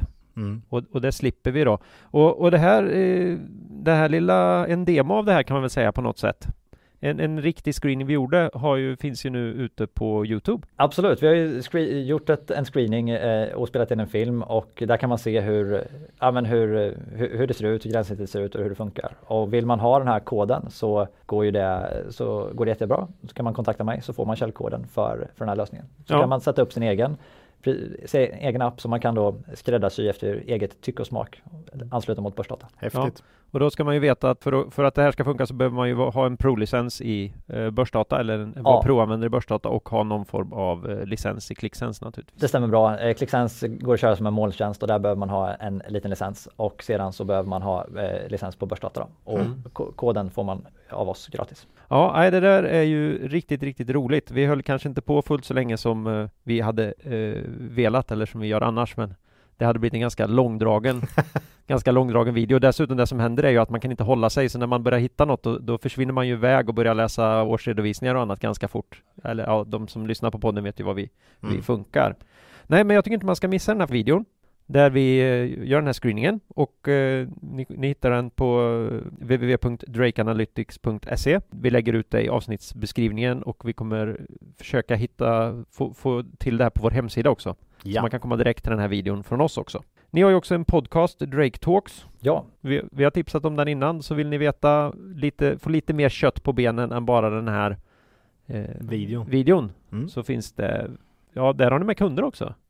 eh, ja eh, inte än så länge faktiskt. Vi har med två partnerintervjuer och så har vi Ja. intervjuat eh, några anställda. Så, men det kommer, vi fyller på med mer material där. Ja, allt eftersom. Då tackar vi dig för den här gången. Tack själv, jättekul att vara med.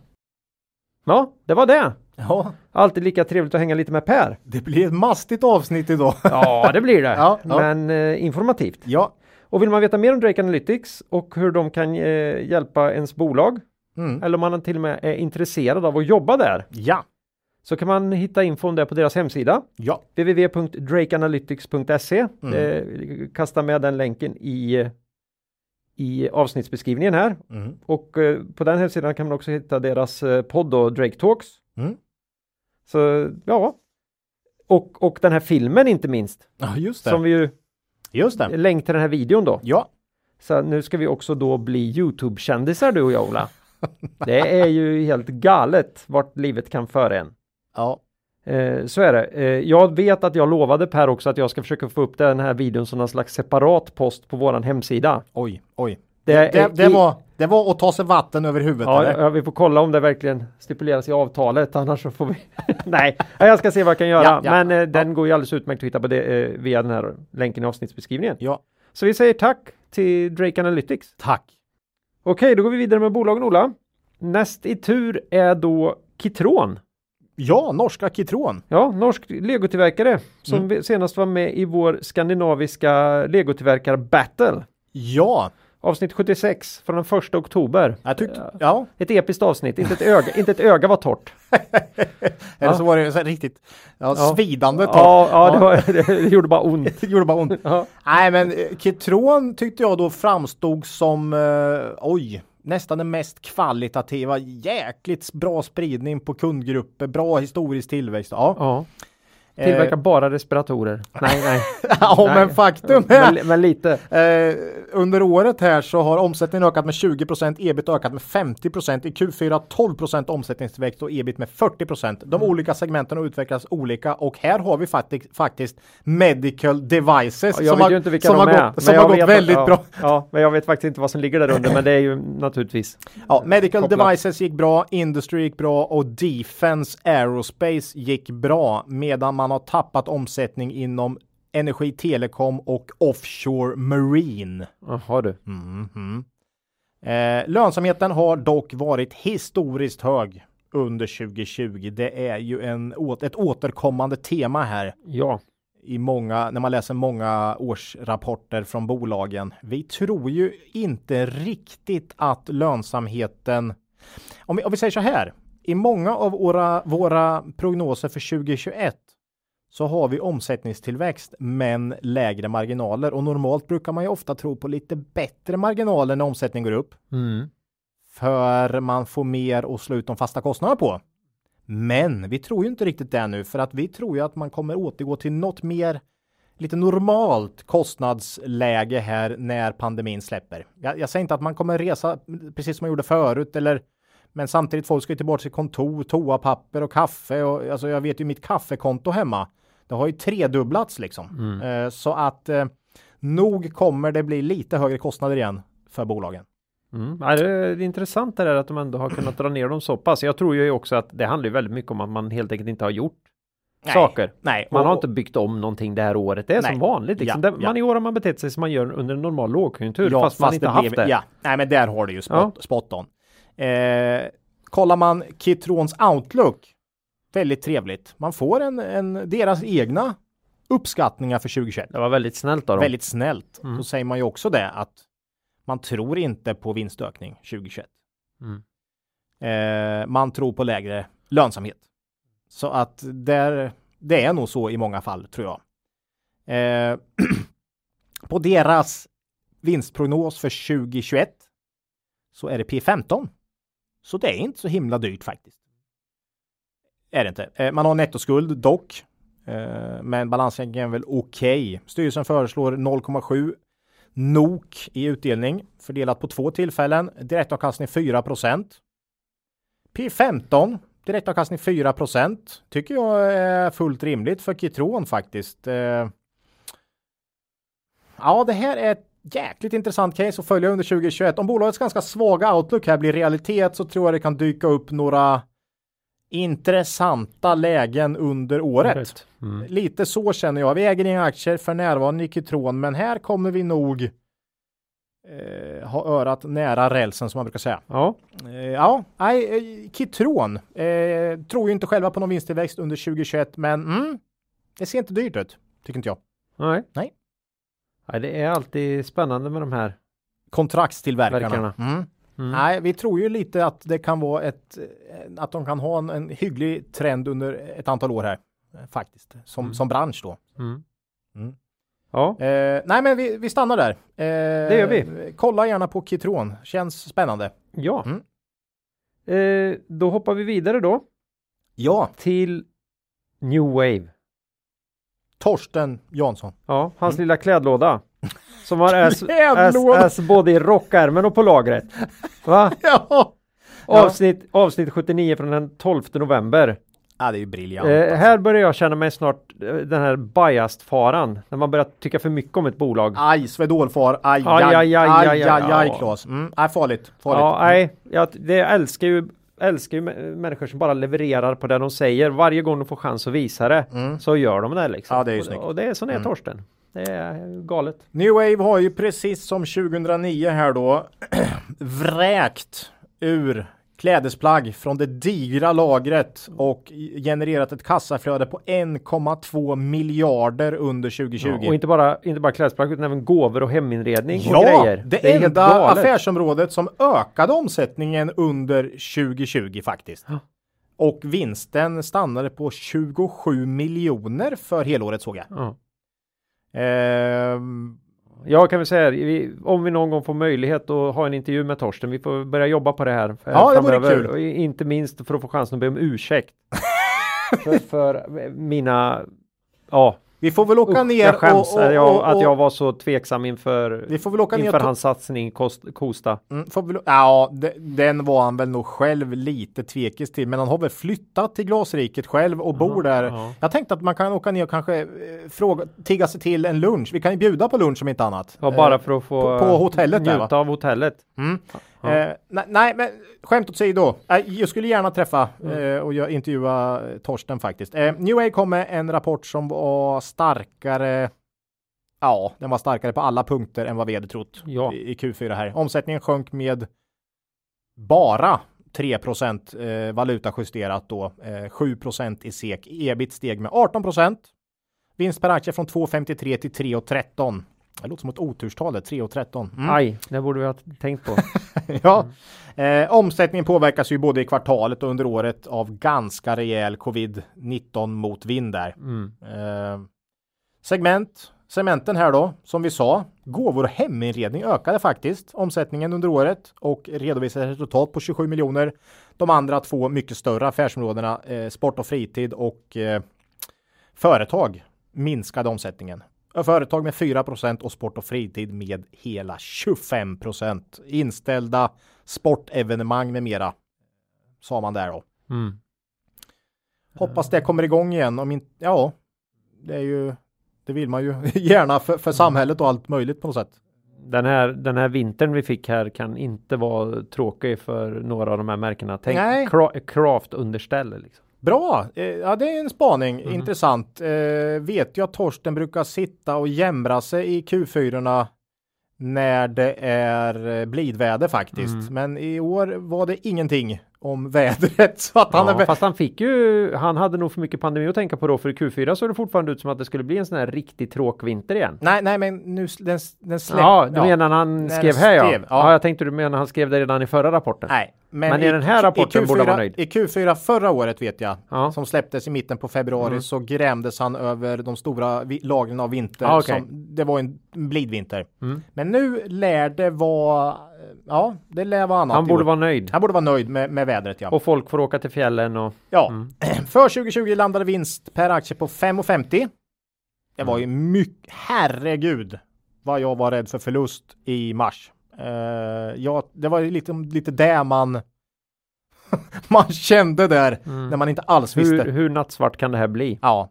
Nej, 5,50. Eh, starkt. Skuldsättningen brukar vi närma vi pratar New Wave, New Wave och det måste vi göra även nu här då.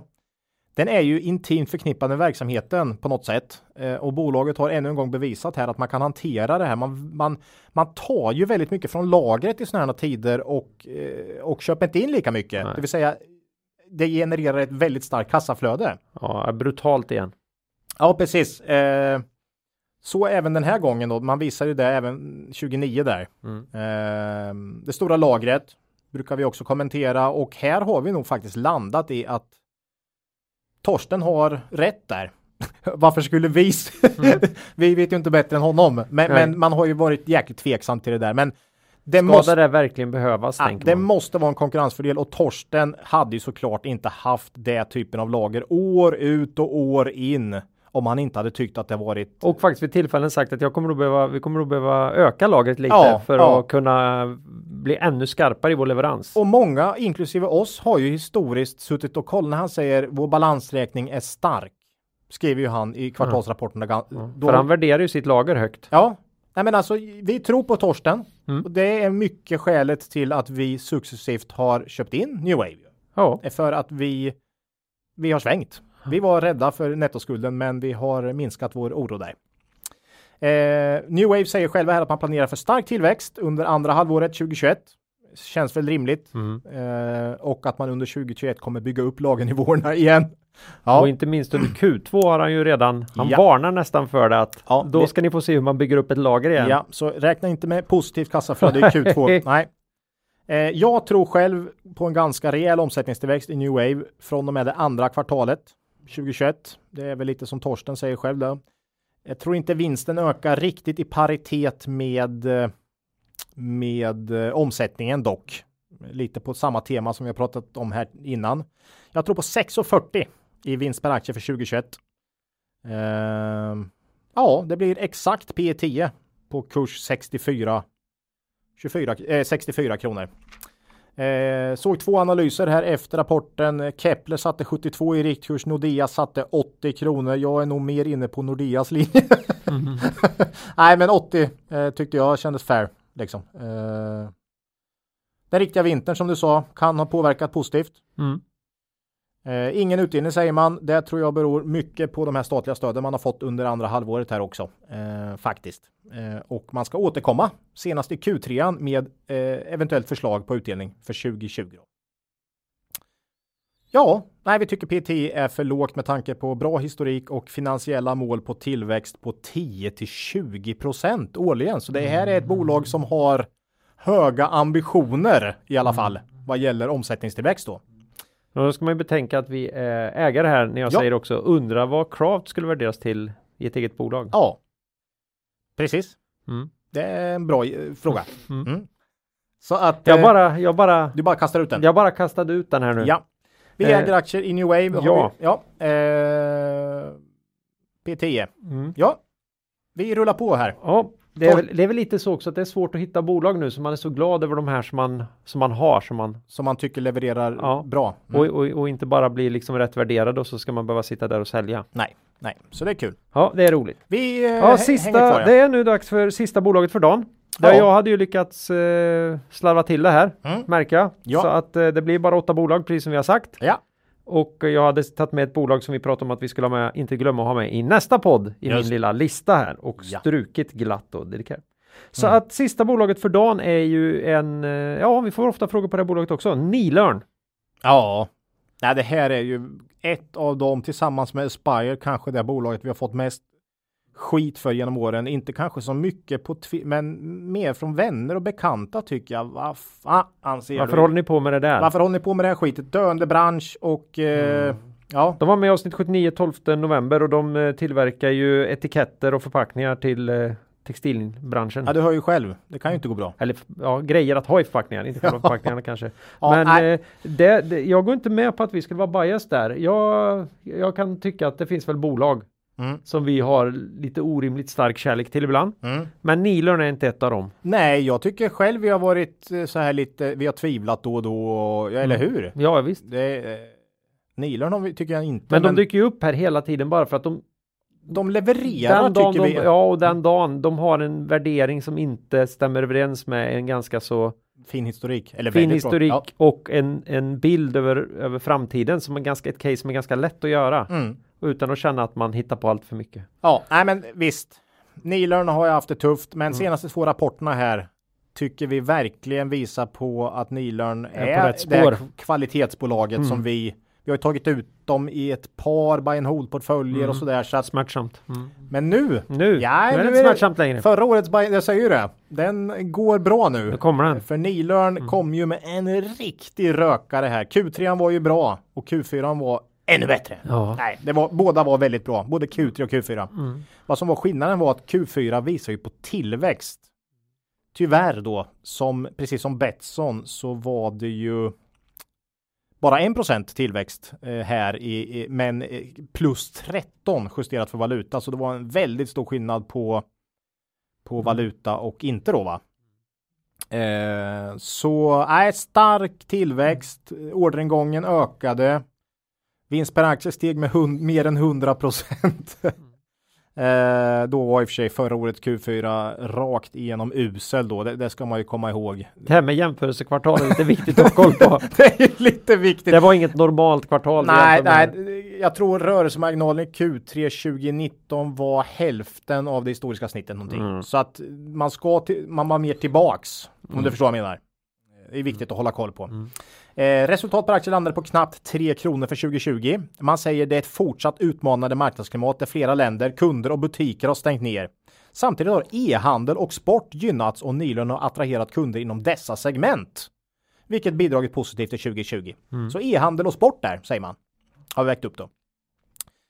Här skissar vi på 700 miljoner i omsättning för 2021. Det är mindre än 2019, men eh, mer än 2020 då. Vi uppskattar 10% ebit-marginal, någon lite under det historiska snittet, men ändå bättre än 2020. Då skulle det ge 70 miljoner i ebit, ev ebit på cirka 8 då. På kurs 52 kronor. Eh, här såg jag dock att ABG hade rejält mycket lägre prognos än vad vi hade 2021. De har 54 miljoner, vi har 70. Eh, så det är en brasklapp. Vad vet de som Ja. vi inte vet? Nej, så det är en brasklapp då. Vi kanske ligger högt där. Mm. Eh, utdelningen föreslår man till 2 kronor per aktie, direktavkastning nästan 4% Vi känner att Nilörn nu med två sådana här rapporter i rad har bevisat faktiskt att man är på väg tillbaks. Mm. Eh, och att man är det här kvalitetsbolag som vi länge har sagt ju. Vi äger inga aktier här eh, för tillfället, men eh, mm, nej, Nilörn är bra jobbat. Riktigt kul faktiskt. Mm. Eh, och hjälper till vår buy and hold för, för, för 20 december 2019. Mm. Mm. Ja, så det är kul. Ja, nej, det var eh, en, en glädjens dag även fast vi stod på sidlinjen när den rapporten kom jag här. tror de var upp 20 procent på en dag. Jag tror Ja. det. Mm. Mm. Nej, kul. Bra jobbat Nilörn. Ny Mm. vd också som har fått en, en väldigt bra start här.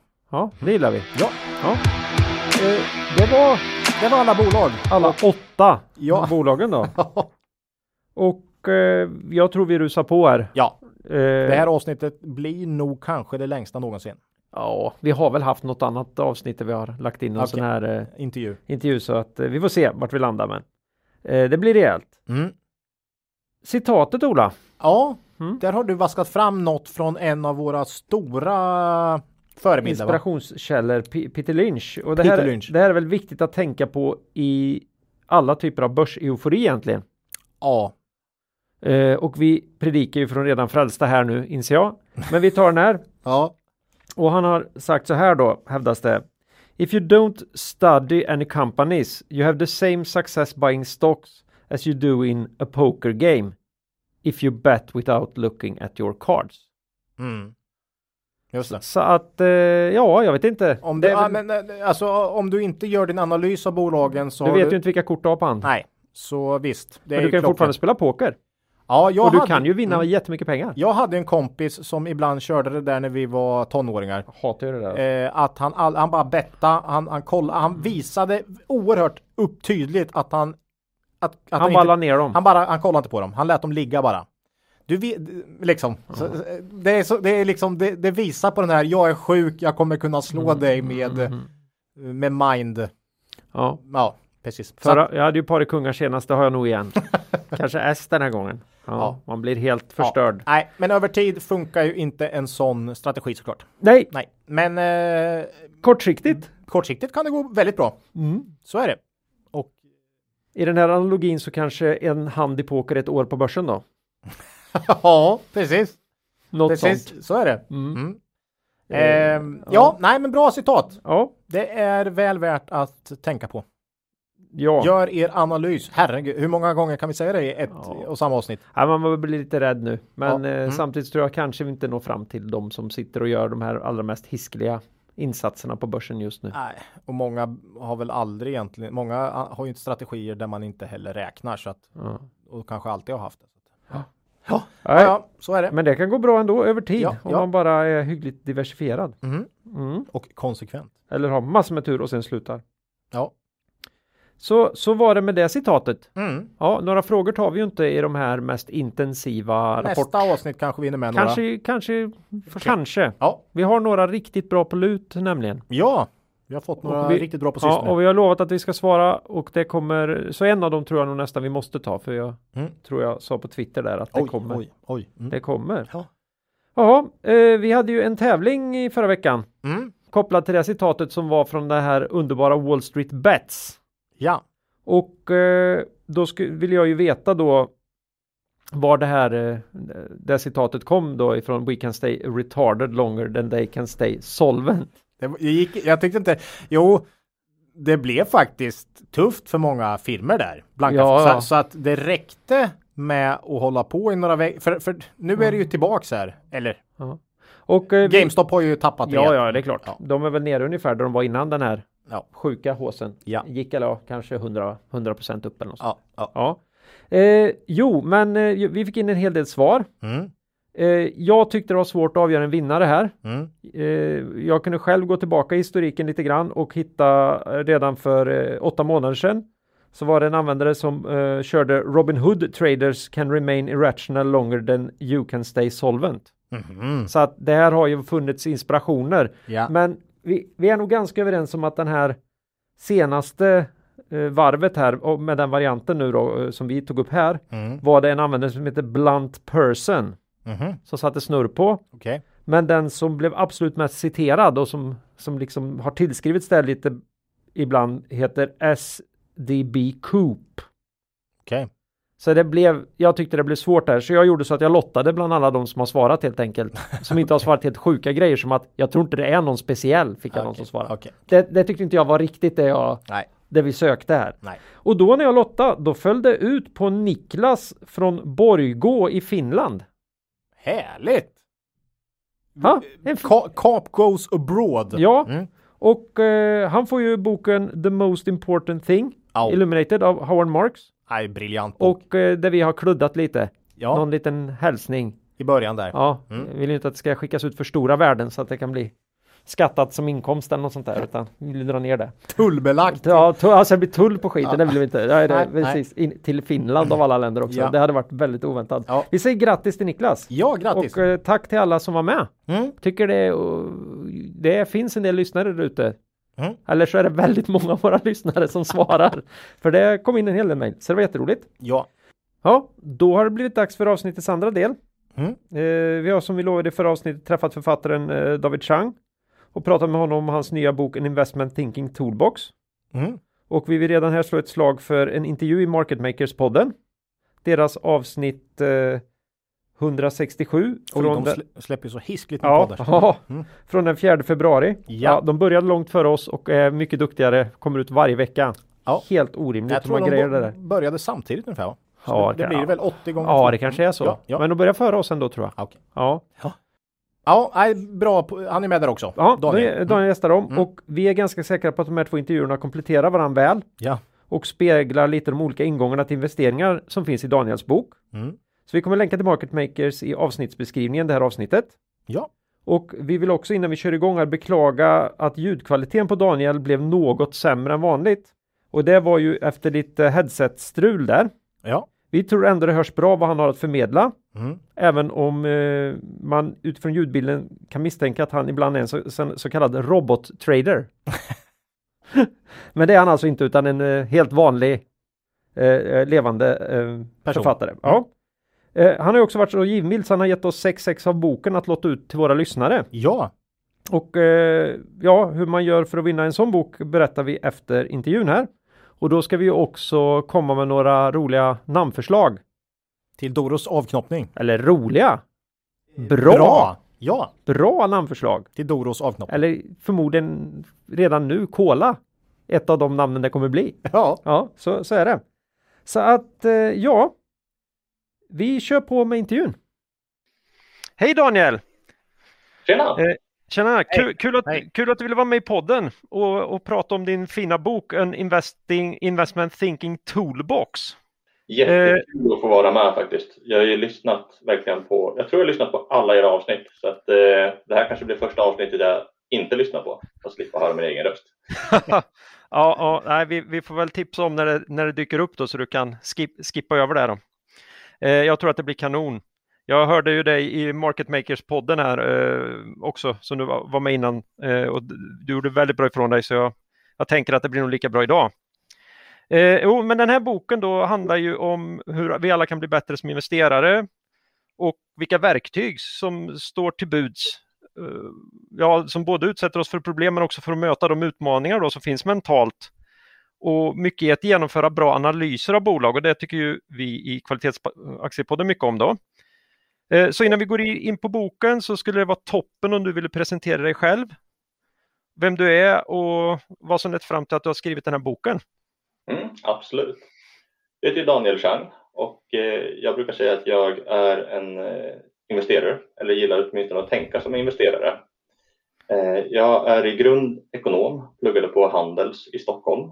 Eh, sen så blev jag konsult för att jag inte visste vad jag ville göra med mitt liv. Så jag började på McKinsey och slutade på en annan firma som heter Bain. Och efter det så, eh, efter fem år där någonstans, så tänkte jag att jag gör någonting annat och jobbade med strategi och affärsutveckling på ett eh, jättefint bolag som heter Textilia som sköter tvätt och logistik och sånt till framförallt sjukhus. Mm. Rik, riktig verksamhet. En riktig verksamhet. äl, äl, älskar vi. Ja, en sån här som eh, så här, tråkverksamhet som gör riktigt Mm. bra ifrån sig. Ja. Riktigt apbolag. Tyvärr inte Mm. börsnoterade. Eh, Nej, det-. Mm. Eh, och parallellt med det här så har jag alltid varit eh, väldigt investeringsintresserad och trott mycket på det här med att eh, försöka förstå mig på bolagen och jobba med bolag, eh, jobba med management istället för att jobba med investering på heltid. Och jag har alltid haft som dröm att jobba på Berkshire Hathaway. Eh, men Warren, han har aldrig ringt mig. Så att eh, istället för att sitta och vänta på det så ringde jag Johan Stene på Technion förra året och tänkte nej, nu eh, joinar jag Technion så bygger vi vårt eget Berkshire Hathaway. Så att jag, eh, sen årsskiftet nu så har jag jobbat på Technion och jobbar med investeringar eh, framför allt. Letat nya bolag, eh, nya trevliga personer att jobba med och eh, även lite intern affärsutveckling. Så att eh, nu för tiden får jag faktiskt till och med betalt för min hobby. Det är kul. Det är, kul. Det är skönt. Ja, en dröm för vår... många. Mm. Det är lite ja. vårt upplägg också då. Mm. Ja, nej men. Nej, eh, mm. Jag tänkte på din fråga kring varför jag skrev boken. Ja, det var det jag tänkte återvända till här. Ja. ja. Jo, men förra året så fick jag lite tid över i och med corona. Eh, reste lite mindre och tänkte jag skulle använda den tiden till något kul. Eh, typ skriva en bok. Du har, du, har gjort du har inte gjort som alla andra och kollat på Netflix alltså, utan du, du gjorde, du gjorde något, något riktigt istället liksom. Precis. Ja. Jag håller inte på med sådana här SAS-bolag och sånt. Så att det... eh, nej, men framförallt så var det faktiskt en idé för mig att jag ville lära mig själv vad för olika misstag jag har gjort och sätta mig och fundera på eh, vad jag gjort bra och mindre bra under de senaste decenniet ungefär. Och jag började väl någonstans att skriva lite anteckningar på post-it-lappar och skriva lite i Google Docs. Men någonstans så fick det inte längre plats på post-it-lappar och alla mina misstag fyllde upp en hel bok. Så det är väl det som är någonstans kontentan. Ja. Eh. Ja, du avslutar ju varje kapitel med konkreta tips till dig själv. Det är bara post-it-lapparna rakt av då misstänker jag. Ja, mer eller mindre så. Men, men, de är också men, väldigt bra. De är ofta väldigt bra de där. Mm. Men 200 sidor post-it-lappar alltså, det är rejält många alltså. Det är, det är, några, det är några diagram också Ola. Det hade ja, han inte på post-it-lapparna. Nej, det är sant, det är sant. Ja. Nej, men eh, då har du skrivit den här boken ganska fort ändå. Ja, själva skrivandet gick ju faktiskt snabbt. Ehm, det är väl lite som med allting annat, det med investeringar och alla typer av misstag som jag har gjort. Det är någonting som jag gått och grubblat på länge varje dag under lång tid. Så att eh, det skulle ju ta mig oändligt mycket längre tid att skriva någonting där jag inte går runt och tänker på. Min gissning är ju med alla era poddavsnitt och så. Ehm, det kommer fram så mycket kunskap just för att ni har ackumulerat så mycket kunskap. Och eh, för mig så har jag ackumulerat så mycket misstag så att det var inte så svårt att klämma ur det i ett bokformat. Det är ja. snällt att dela med sig. Vi brukar ju säga att det är ju det bästa om man kan lära sig av andras, andras misstag. Så att ja. Det är snällt att dela med dig. Ja. ja. man kan ju göra några själv och så komma ihåg att vänta, det fanns andra som sa att det skulle bli så här och så kanske man kan låta bli att göra några av dem man ännu inte har gjort. Då. Några misstag behöver man göra själv för att lära sig lite. Eh, men eh, de flesta har nog redan gjort några sådana och kommer känna igen sig i din bok här. Jag tycker den är extremt välskriven för att vara skriven så pass ja, intensivt så att säga, även om du hade ett bra källmaterial. Då. Och, och det som är ännu mer imponerande för mig och Ola här, det är ju att eh, vi är ju svenskar och vi pratar ju svenska här med dig. Eh, och ändå är den här boken skriven på en utmärkt engelska och det, titeln avslöjar ju det kan man säga.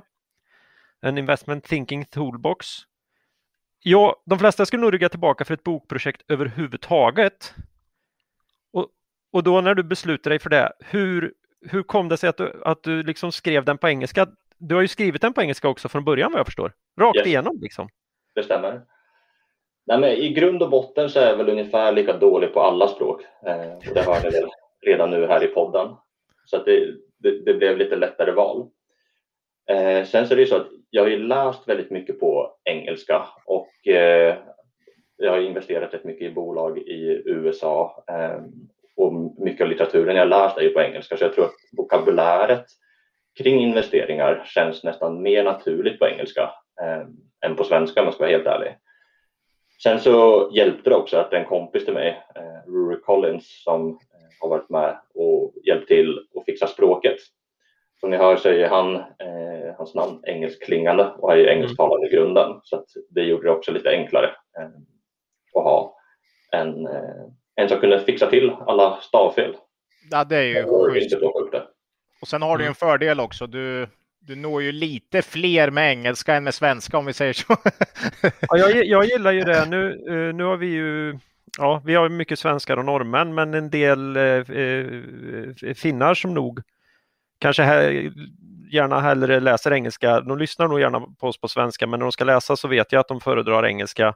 Och sen har du ju en, ett stort intresse faktiskt runt omkring för svenska börsen. Till och från i alla fall. Så att eh, det, det är tacknämligt. Mm. Eh, när, man, när folk har köpt den här boken, eller våra lyssnare, så kommer de se att vi står med här i inledningen med eh, en kommentar eh, och eh, vi fick ju chansen här att, läsa den i förväg och kommentera lite på den. Och I den här kommentaren så är vi väldigt positiva till det här kapitlet som handlar om att invertera eh, som vi själv då faktiskt eh, brukar anamma ganska mycket i vår eh, investeringsfilosofi. Hur ser du själv på det här verktyget, både i vanliga livet och vid investeringar? Jag tycker att invertera är ett väldigt enkelt men samtidigt extremt mäktigt verktyg eh, för investeringar. Men jag har också börjat använda mer och mer i verkliga livet. Eh, och vi kommer dit om en liten stund. Men jag tror att jag först kom i kontakt med det här konceptet eh, någon gång på högstadiet när man fick den här klassiska mattefrågan. Hur många personer, eh, eller vad är sannolikheten att minst två personer delar en födelsedag om det är typ 23 personer i ett rum? Mm. Och den frågan är, låter lätt, eh, är väl lätt om man vet hur man ska lösa den. Försöker man lösa den på konventionellt sätt så är det jättesvårt och jag vet fortfarande inte hur man gör det. Jag vet inte ens om det går. Nej. Men om man vänder på frågan, eh, vad är sannolikheten att ingen delar en födelsedag? Då blir det helt plötsligt väldigt mycket enklare. Mm. Och, och, och en tydlig grej med det där att intuitivt så har du inte rätt. Precis. Alltså, och du är, du är ja, jättelångt borta dessutom. Du är långt ifrån om du ska gissa intuitivt bara så. Ja. Men, men, när du räknar på det med och inverterar frågan så, så blir det självklart faktiskt. Ja. Precis. Mm. Och det är det som är så intressant. När det finns många svåra frågor så är det lätt att man drar till med intuition eller erfarenhet eller vad man nu vill kalla det för. Eh, och det är det som rätt ofta är farligt för att intuitionen för olika typer av bolag och produkter och exponentiella kurvor är saker och ting som vi överlag inte förstår, i alla fall inte jag. Eh, Nej. Och att använda sådana här verktyg och vända på caset och faktiskt gör att man kan räkna på det. Eh, gör att det åtminstone blir väldigt mycket enklare eh, än att inte göra på det. Ja, än att inte göra det. Precis. Och, eh, och det finns ju många olika sätt att vända på saker och ting. Eh, jag brukar gilla att vända till på påståenden. Eh, allt ifrån att man hör Google kommer alltid vara dominanta inom search. Man kommer vända på det och fundera på eh, är det lättare att fundera på det omvända. Eh, Google kommer inte alltid vara dominanta inom search. Eh, mm, precis. Mm. Man kan göra samma sak med en position. Vi pratade lite här innan kring om jag vill köpa någonting så vill ju vissa eh, sälja, vissa kanske till och med vill blanka. Fundera på vad kan man se från andra sidan så att säga. Eh, sen så kan man väl kanske inte läsa in allt för mycket i just det, men det är värt att invertera den tanken. Mm. Jag jobbar också rätt mycket med att invertera caset och tänka i primorten.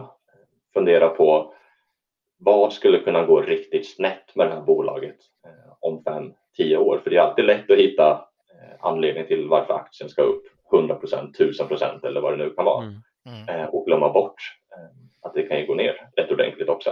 Mm. Den tycker vi är viktig.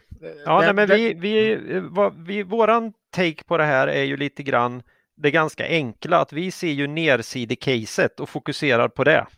Mm. För uppsida-caset får du kasta i ansiktet hela tiden från alla jäkla håll. Så det mm. behöver man knappt serva sig själv. Det är bara att läsa vd-ord så får du ju se.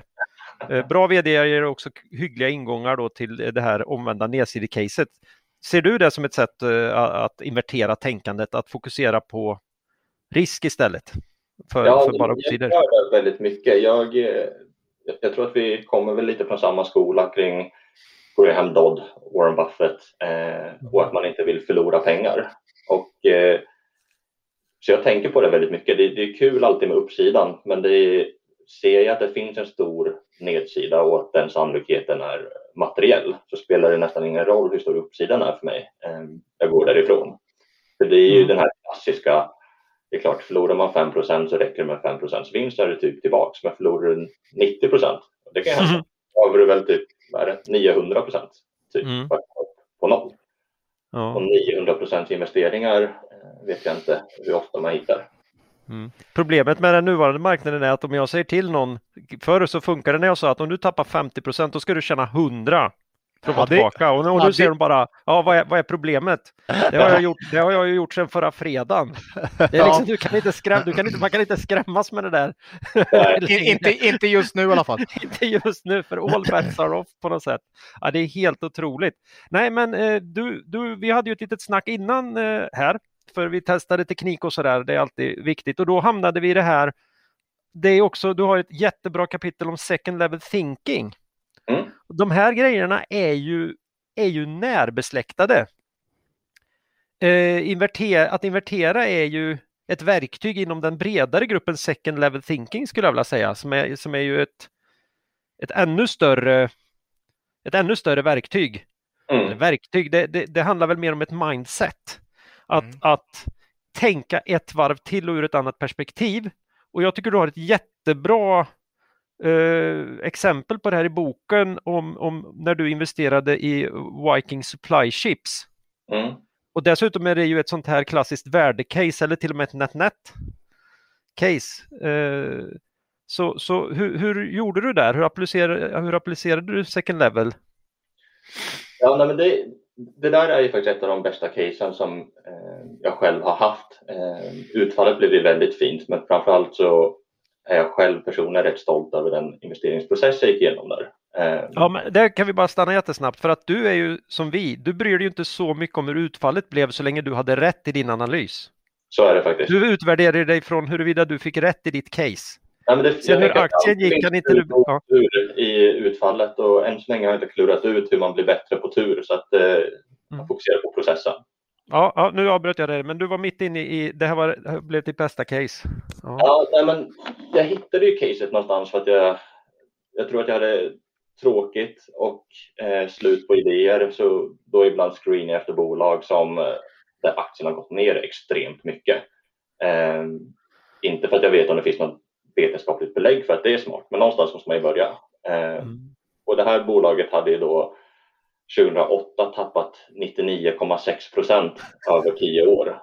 Um, och det är en liten bit. Sen så finns det ju alltid 100 procent till, men uh, det var en, en, kul start i alla fall.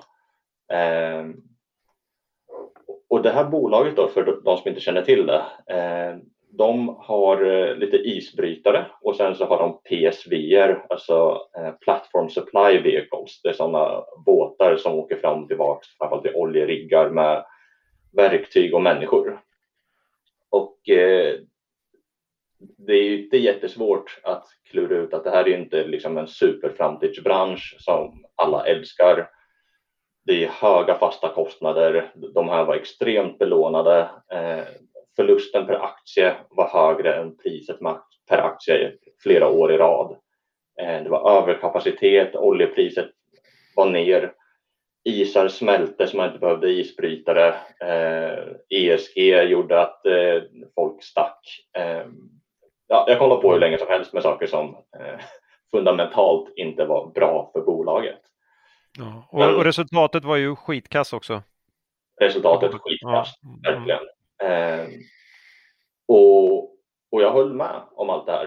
Eh, aktien gick ner väldigt mycket, men sen är ju saken den att så länge man är lång en aktie så kan ju faktiskt inte aktiepriset vara lägre än noll. Eh, och i det här fallet så börjar bolagets eh, värde faktiskt närma sig noll i rätt rask takt. Eh, och min tro eller förhoppning när jag började titta på det var ju att det kanske fanns många investerare som sålde utan hänsyn till pris och värde utan man ville bara ut. Och det drog säkert igång någon spiral att aktien gick ner, fler sålde och så vidare. Mm. Ehm, men sen när jag började gräva lite i redovisningen, eh, i det här fallet faktiskt börja i balansräkningen, så märkte jag att eh, som väldigt många andra bolag så redovisar man anläggningstillgångar som det lägsta utav marknadsvärde och redovisat värde. Eh, för att det ska vara konservativt. Mm. Och för eh, lyssnare som kanske inte sitter och tittar i sådana här noter varje dag så innebär ju det att om man haft en eh, båt under en längre tid som man skriver av under rätt lång tid, då kan ju det värdet eh, vara väldigt nära noll, eller det kan vara noll till och med. Mm, eh, ja. Fast det faktiskt har ett marknadsvärde som är högre. Mm. Eh, så de redovisade ju själv då ungefär en miljard eh, kronor i eget kapital. Så att i teorin så skulle man, skulle man stänga ner bolaget, sälja allting för det det var redovisat för så skulle bolaget vara värt en miljard kronor. Sen så tyckte jag att eh, värdet på de här isbrytarna eh, faktiskt kunde vara värda eh, en halv till en och en miljard mer eh, utöver det som var redovisat och det var ju baserat på att tittar man på liknande modeller så sker det ju faktiskt köp och sälj utav sådana här eh, båtar lite då och då.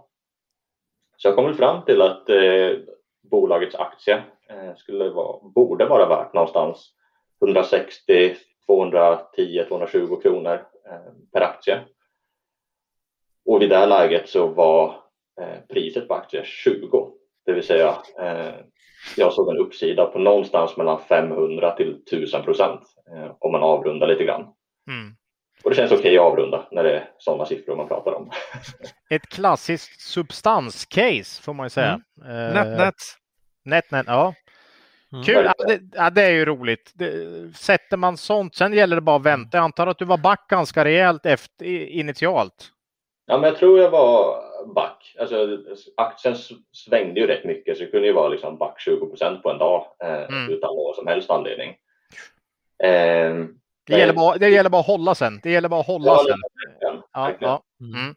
Jag tittar ju lite på riskerna, eller mycket på riskerna eh, i sådana här typer av case, i alla egentligen, men kanske speciellt sådana här case där det faktiskt inte finns en framtid. De här kommer inte, de skulle inte växa in i någon typ av eh, uppside-case. Eh, så var ju någonstans den största risken att de skulle gå i konkurs, men även det var i det här fallet inte något större problem, för det som skulle hända är ju att deras eh, obligationshållare och eh, banker, de skulle ju bara sälja de här. Det är ingen bank som vill ha en isbrytare på sitt kontor. nej, nej, det är det, är det ju inte. det är klart de skulle sälja det till, till marknadspris och så skulle nej, du få loss den här miljarden. Liksom. Ja. Hur länge satt du sen innan den här nyheten kom då att de gjorde affären med, det var eh, kanadensiska Ja, det var ju drottningen och kompani som köpte. Ja. Jag kommer inte ihåg på rak arm, men det här var ju faktiskt ett case där jag eh, hade massor med tur i tajmingen. Jag tror mm. inte jag satt längre än några månader. Eh, och det, jag var ju redo att sitta i år. Eh, precis. Ja, du beskriver det här väldigt tydligt. Det här är väldigt tydligt i boken, så Nej, det är bara att lyssna på boken och läsa. Jag tycker det här är hela den processen du beskriver här. Alltså, jag brukar säga att det finns många anledningar att köpa den här boken delarna för sig. Här har vi en anledning ja. till att köpa och läsa den här boken för att förstå en sån här process. Liksom. Mm. Ja, och jag tycker det är, det är väldigt, väldigt kul och som jag sa förut, det här var ju processmässigt eh, en av de bästa casen jag varit igenom. Eh, och jag hoppas jag hade sagt det även om utfallet hade varit eh, dåligt so far nu. Mm. Jag tror det var 2018 så att jag var ju redo att sitta eh, på mm. den nu. Utan för, just, just substanscase kan ju ta väldigt lång tid och så länge, liksom, så länge man inte gör något åt det här att bolagets värde är lägre än, än det egna kapitalet så, så kan det ju, behöver det ju inte hända något. Liksom. Ja. Det, det, det, ja, det, ja. minskade risken något var ju att de har ju, hade ju faktiskt under ett par års tid varit öppna med att de skulle sälja eh, sina okay. isbrytare. Okay. Eh, okay. Ja. och dessutom, hade de ju, dessutom hade de ju ganska snart gått i konkurs. Ja, precis. så att du har ju det som en, din livlina. Att de, ja. de är så jävla dåliga i sin operations nu så att det här bolaget måste, det måste termineras på något sätt. Ja, och så, och de sitter på jättevärden. Ja, nej, bra, In, kul case. Ja, eh... det är ju sådana här typer av case kan jag känna ibland. Det är att det är lite för bra för att vara sant och när man börjar mm. tänka så så vågar man inte gå in tillräckligt mycket eh, om man inte är, verkligen har conviction. Eh, mm. Mm. Vi diskuterade det hemma och min sambo tyckte att ja, men, vad fan, du har ju rätt i allt du säger, du har gjort din analys, gå in tungt. Eh. Oj, oj, ja. Mm. ja, ja det är just... Bara, ja, bra idé, jag går in med en procent. Och det är väl liksom så här, ja, det gick upp tio gånger ungefär. Eh, mm. 10 avkastning på portföljen, det är kul. Men mm. man ska aldrig titta i backspegeln, men det är klart, eh, hade man lyssnat och gått in med 10 procent så hade det varit ännu roligare. Mm. Såklart. Eh, om vi går vidare här i boken så eh, har du ju en väldigt intressant sak i slutet här och det är ju faktiskt eh, eh ja, det är väl nästan sista sidan här, When do I sell? Som vi tycker att faktiskt det är något man ska ha med i en investeringsbok med självaktning alltså. Eh, och eh, en fråga då, varför tror du vi gillar den här sidan så, så mycket? Oj, svår fråga. Eh, jag har ju som filosofi att inget bolag är värt oändligt mycket. Och eh, jag har också som filosofi att eh, någon gång så behöver man ju realisera eh, sina vinster för det, det är ändå svårt att äta aktier till lunch som man brukar säga. Eh, och alla transaktioner innebär ju eh, ett köp och ett sälj och vill man få bra avkastning över tid så tror jag att eh, alltså buy and hold är en jättebra filosofi. Men kommer Ja. man fram till att en aktie är värd 100 kronor och eh, den av någon anledning handlas för 5000 för att GameStop, eller förlåt, Reddit har hypat upp den. Eh, Mm. Det är klart att, att utnyttja de svängningarna eh, både när Mr Market är undervärderar eh, och övervärderar är ju två sidor av samma mynt eh, och två verktyg som jag tycker är intressant att använda sig utav.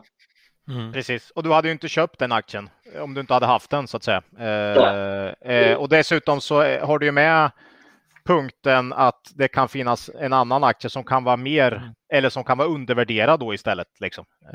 Nej, vi, vi ställde ju en retorisk fråga. Vi älskar den för du tar ju upp våra fyra huvudsakliga anledningar till varför man ska sälja. Det är den första det- är ja, Det är faktiskt Ja. exakt de vi brukar ta Ja. upp, de fyra Ja. som du har med här. Så att, du, vi- vi- använder, du, du använder att den är övervärderad säger du. The stock is overvalued. Vi säger ju att aktien är rätt värderad. Men jag väljer att tolka det så när jag läser resten av texten. Du, hittar, du har någonting annat som är ännu mer undervärderat. Mm. Den är svår för folk att förstå ibland. Mm. Du har tappat eh, din fundamental, någonting är flåd i din fundamentala analys. Det händer saker i bolaget du inte förstår. Mm. Då säljer du. Det är precis Och- som vi... Mm. Och du behöver, du behöver pengarna till något annat. Nej, Du, du ska då- inte ha pengar som behövs till något annat i aktier. Nej, den, här, den här är ju en, den är ju totalt en sida och du sammanfattar ju saker som vi sitter i 30 minuter och inte får fram. Från och med nu när, när vi får, har lyssnare som frågar, kan ni inte prata när man, hur man ska tänka när man ska sälja? Då ska jag bara skicka dem till sida 200 i din bok här. Eh, så, så 202. Mm. Mm, mm, Så, så är det avklarat. mm, mm. Men det finns lite annat innan det där också va? Ja. Eh, ja, jag tänkte på lite, hur går du tillväga när du eh, funderar på hur, eh, hur mycket en aktie är värd? Hur, hur tänker du där? Hur jobbar du kring det så att säga? För det är ju en viktig grej för oss. Titta på grafen, sen så bara drar jag ut kurvan, tittar om det ser ut som en T-rex eller ett moln och sen gör jag lite makroanalys. Ja, det låter Ja. ju klock, det låter Bra, då går vi alltså. vidare till nästa.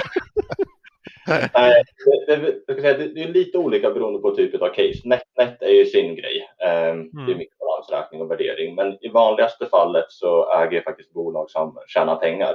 Ehm, Och när jag börjar värdera ett bolag, när det fortfarande är ett bolag som jag tror mig förstå på, ehm, ett bolag som jag följt ett tag men kanske aldrig gjort en värdering på, så utgår jag faktiskt eh, ifrån Excel, någonting som Warren Buffett eh, inte gör och säger att man inte ska göra eh, och fyller i siffror för framtiden och gör en diskonterad kassaflödesanalys utifrån det.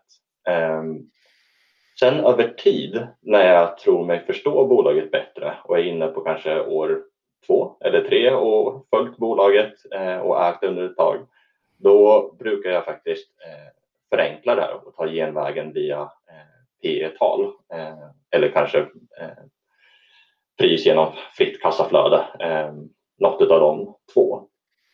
Eh, jag, jag vet att ni brukar i podden köra mycket P-tal och jag tror att det, det är jättebra.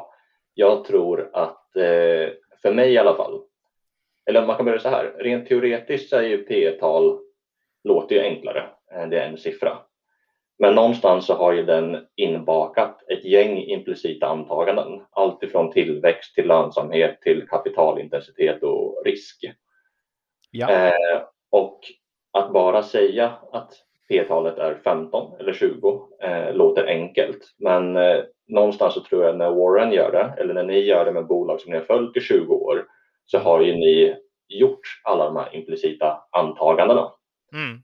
Eh, och då tror jag att det funkar bra. Däremot om det är ett bolag som man tittar på för första gången och kanske inte kan någonting om det så tittar man på historiken och säger att ja, det här brukar handlas för P17, vinsten brukar vara 10 och därför tar jag 10 gånger 17, det blir 170, eh, mm. det blir dyrt eller billigt. Det tror jag kan vara farligt eh, för mm. att det är inte alltid säkert att det går tillbaka till samma P tal eller samma vinst per aktie eftersom att bolaget kanske är annorlunda jämfört med tidigare. Och därför som ett långt svar eh, brukar jag börja med en diskonterad kassaflödesanalys för att tvinga mig själv att göra de här antagandena eh, kring tillväxt, eh, marginal, kapitalintensitet, risk framför allt. Men eh, härligt, ja, solklar värde, an, värdeanalys i alla fall. Eh, det är det ju. Mm. Mm. Nej, men jag tror det. det finns ju, jag tror det finns en viss risk i att folk säger så här, Warren använder bara P tal han använder aldrig Excel. Och därför borde inte jag heller göra det. Eh, och jag tror att det finns ju såklart lite olika investeringsstrategier men sen får man kanske ha med sig att det här är en snubbe som för det första räknar snabbare i huvudet än vad jag kan göra på Excel, i Excel. Mm. Mm. Och för det andra så har ju han någonstans eh, typ 70%, 70 års erfarenhet, kanske till och med längre än så, eh, av olika bolag mm. eh, som jag absolut inte har. Nej, och, och det är alltså ofta tycker jag att man kommer fram till att nej, men det här bolaget ska inte ha mer än P12 liksom. Eh, och då är det för att man har bakat in risk, eh, tillväxt och så vidare. Eh, Medan andra kan man säga men P20 är rimligt här liksom. Eh, så att mm. ja, nej, men så är det ju. Mm. Ja, nej, men bra, bra svar. Ja, Nej, jag hade ju tänkt att ställa dig mot väggen här för du har ju ett kapitel om anchoring då där du, där du just tar upp det du precis sa nu med att det är farligt att förankra sig vid ett visst, eh, vid ett visst PE och tänka ja. att eh, eh, allt annat är, eh, är, är, orimligt så att säga. Och det är ju, eh, det är ju lite så vi jobbar eh, just jag odlar då, men jag inser ju det att om man, om man försöker få P1 att spegla precis allt, för vi bråkar ju ganska mycket med det där et. Precis. Det är ju där vi lägger hela vår energi så att P1 blir ju bara sen en, eh, för att ta in de här sista, sista grejerna. Så du svarade tyvärr på min fråga så jag fick inte ställa dig mot väggen där. eh, jag tror du vi är överens egentligen. Eh, och jag ska ta med mig att, att det kan ju lätt misstolkas det vi säger ibland när vi har ett sånt P-fokus. Vi borde visa att vi fokuserar väldigt mycket på vad vi tror om vinsten kommande år och då väger vi in allting du väger in i din eh, diskonterade kassaflödesanalys. Mm. Mm. Sen, eh, sen, sen, sen, pratar vi mycket P också för att det, vi tycker det är ett väldigt det är liksom det är lätt att förstå på något sätt och, och, och något som alla har en relation till. Så att eh, liksom, därför blir det mm. ofta att vi pratar PE för det, det är enkelt. Mm. Liksom. Eh, sen, mm. sen har ju PE tappat lite i kraft när räntorna är noll på något sätt. Jag tyckte förr i tiden Alltså fördelen med ev-ebit till exempel är ju den att du får med om du har skuldsättning och så där. Men förr i tiden så blev ju bolagen med stor skuld rejält drabbade i finansnetto. De blir ju inte det nu liksom. Eh, så att PE var bättre för tio år sedan än vad det är nu då. Eh, för då, då fick, hade du en stor skuld så, så, så drog det ner vinsten ganska rejält. Liksom. Men det gör det inte riktigt nu eh, faktiskt. Nej.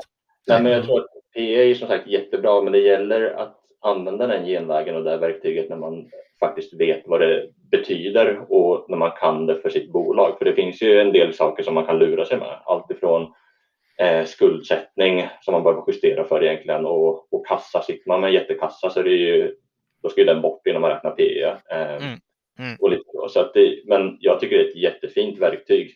Mm. Eh, men, livs, men, men, livsfarligt om man, tänker, om man hör det här att ja, men Kap sa ju att snitt, eh, snittet på börsen tror de över tid kommer ligga strax över P15 och jag kan köpa de här bankerna till P9. Jag tar, jag tar alla. Ja.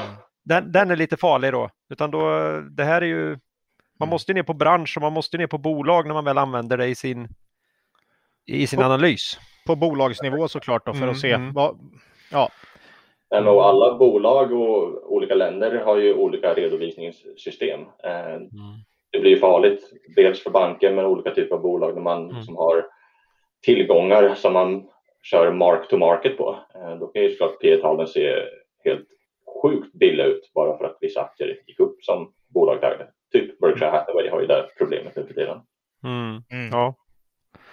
Ja, nej, det, är, det finns väldigt mycket i den här boken. Vi skulle kunna prata hur länge som helst här. Men har du någonting mer nu du känner att eh, naturligtvis ska våra lyssnare gå ut och köpa den här boken och läsa själva.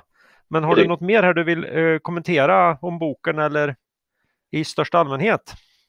Egentligen inte om boken, men jag tycker att eh, ni brukar ju säga det i varje podd, eh, men jag säger det en gång till. Jag tycker det är så viktigt att göra sin egen analys eh, så att man Mm. faktiskt. Eh, dels är det ju faktiskt roligt, eh, men om man inte tycker det så om man inte gör sin egen analys så tror jag att det är svårt att sova gott om nätterna eh, när prisfluktuationerna drar igång eh, uppåt eller neråt. Ja, för om du inte har gjort din egen analys, hur ska du då veta när du ska sälja på något sätt? Mm.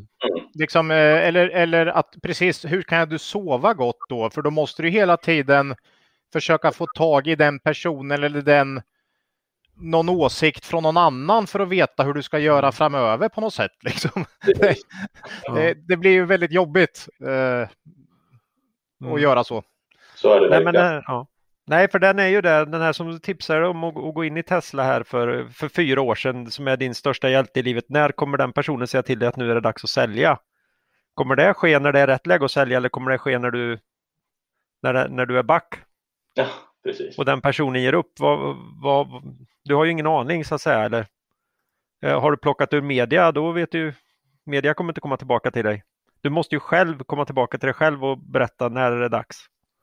Så Mm. vet man inte när man vill sälja, då är det ju, ska man ju inte vara på börsen. Det, det är väl en kontenta och det framgår väldigt, väldigt tydligt tycker jag av din bok, även om du inte som vi, du är väldigt mycket finkänsligare där. Du skriver inte det här på näsan utan du skriver gör din egen analys och så finns det implicit. Vi tjatar ju om det här hela tiden. Att du måste också veta Verkligen. Nej, men det är ju inte ett ett värde, vad, vad du anser att bolaget är värt eller aktien är värd. Precis. Ja, nej, eh, ja, du har ju hoppat över till Technion nu, så nu får du hålla på med det här på heltid. Vi, vi är glada för deras skull, så vi önskar dig lycka till där. Tack så jättemycket. Och sen hoppas vi väl ändå någonstans att du ska hitta tid att skriva fler sådana här inspirerade böcker i framtiden, kanske om onoterade förvärv.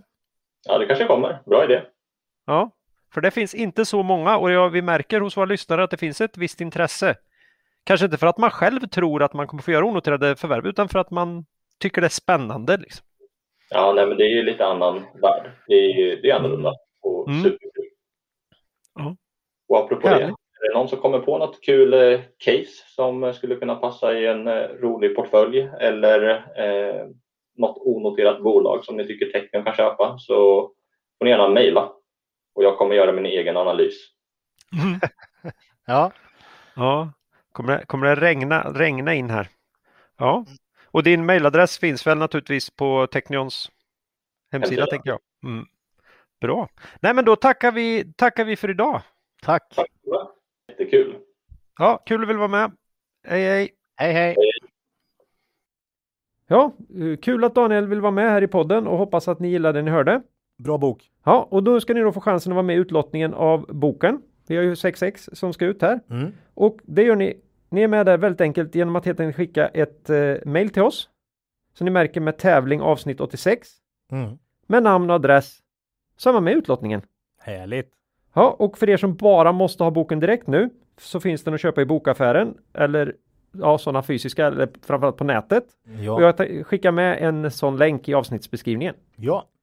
Ja, då Ola. Ja. Så börjar vi äntligen, säger nog många, slu- närma oss slutet för det här poddavsnittet. ja. Eh, nästa avsnitt kommer torsdag den 4 mars. Och Mm. då kör vi uppsamling på intressanta rapporter Mm. som kommit in sent eller som inte hunnit med eh, så här långt. Nej. Mm, det är väl vad som kommer hända tror vi. Ja. Ja. Tror jag med. Så ni får eh, gärna mejla oss Mm. på kontaktet kvalitetsaktiepodden.se, inte minst om ni vill vara med i tävlingen.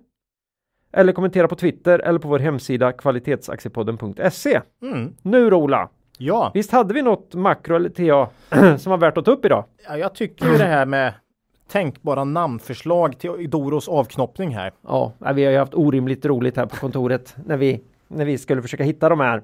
Eh, man särnoterar ju alltså Doro Care. Mm. Vi tänker att man vill behålla varumärket Doro Mm. på, på de här prylarna. Mm. Jag tror att det är en kvalitetsstämpel idag i de här sammanhangen. Mm. Eh, men man Det- det- kan ju ge lite godis till investerarna också. Ja, men det är lite så vi tänker här Ja. i det här börsklimatet. Va? Va, Ja. va, vad ska man?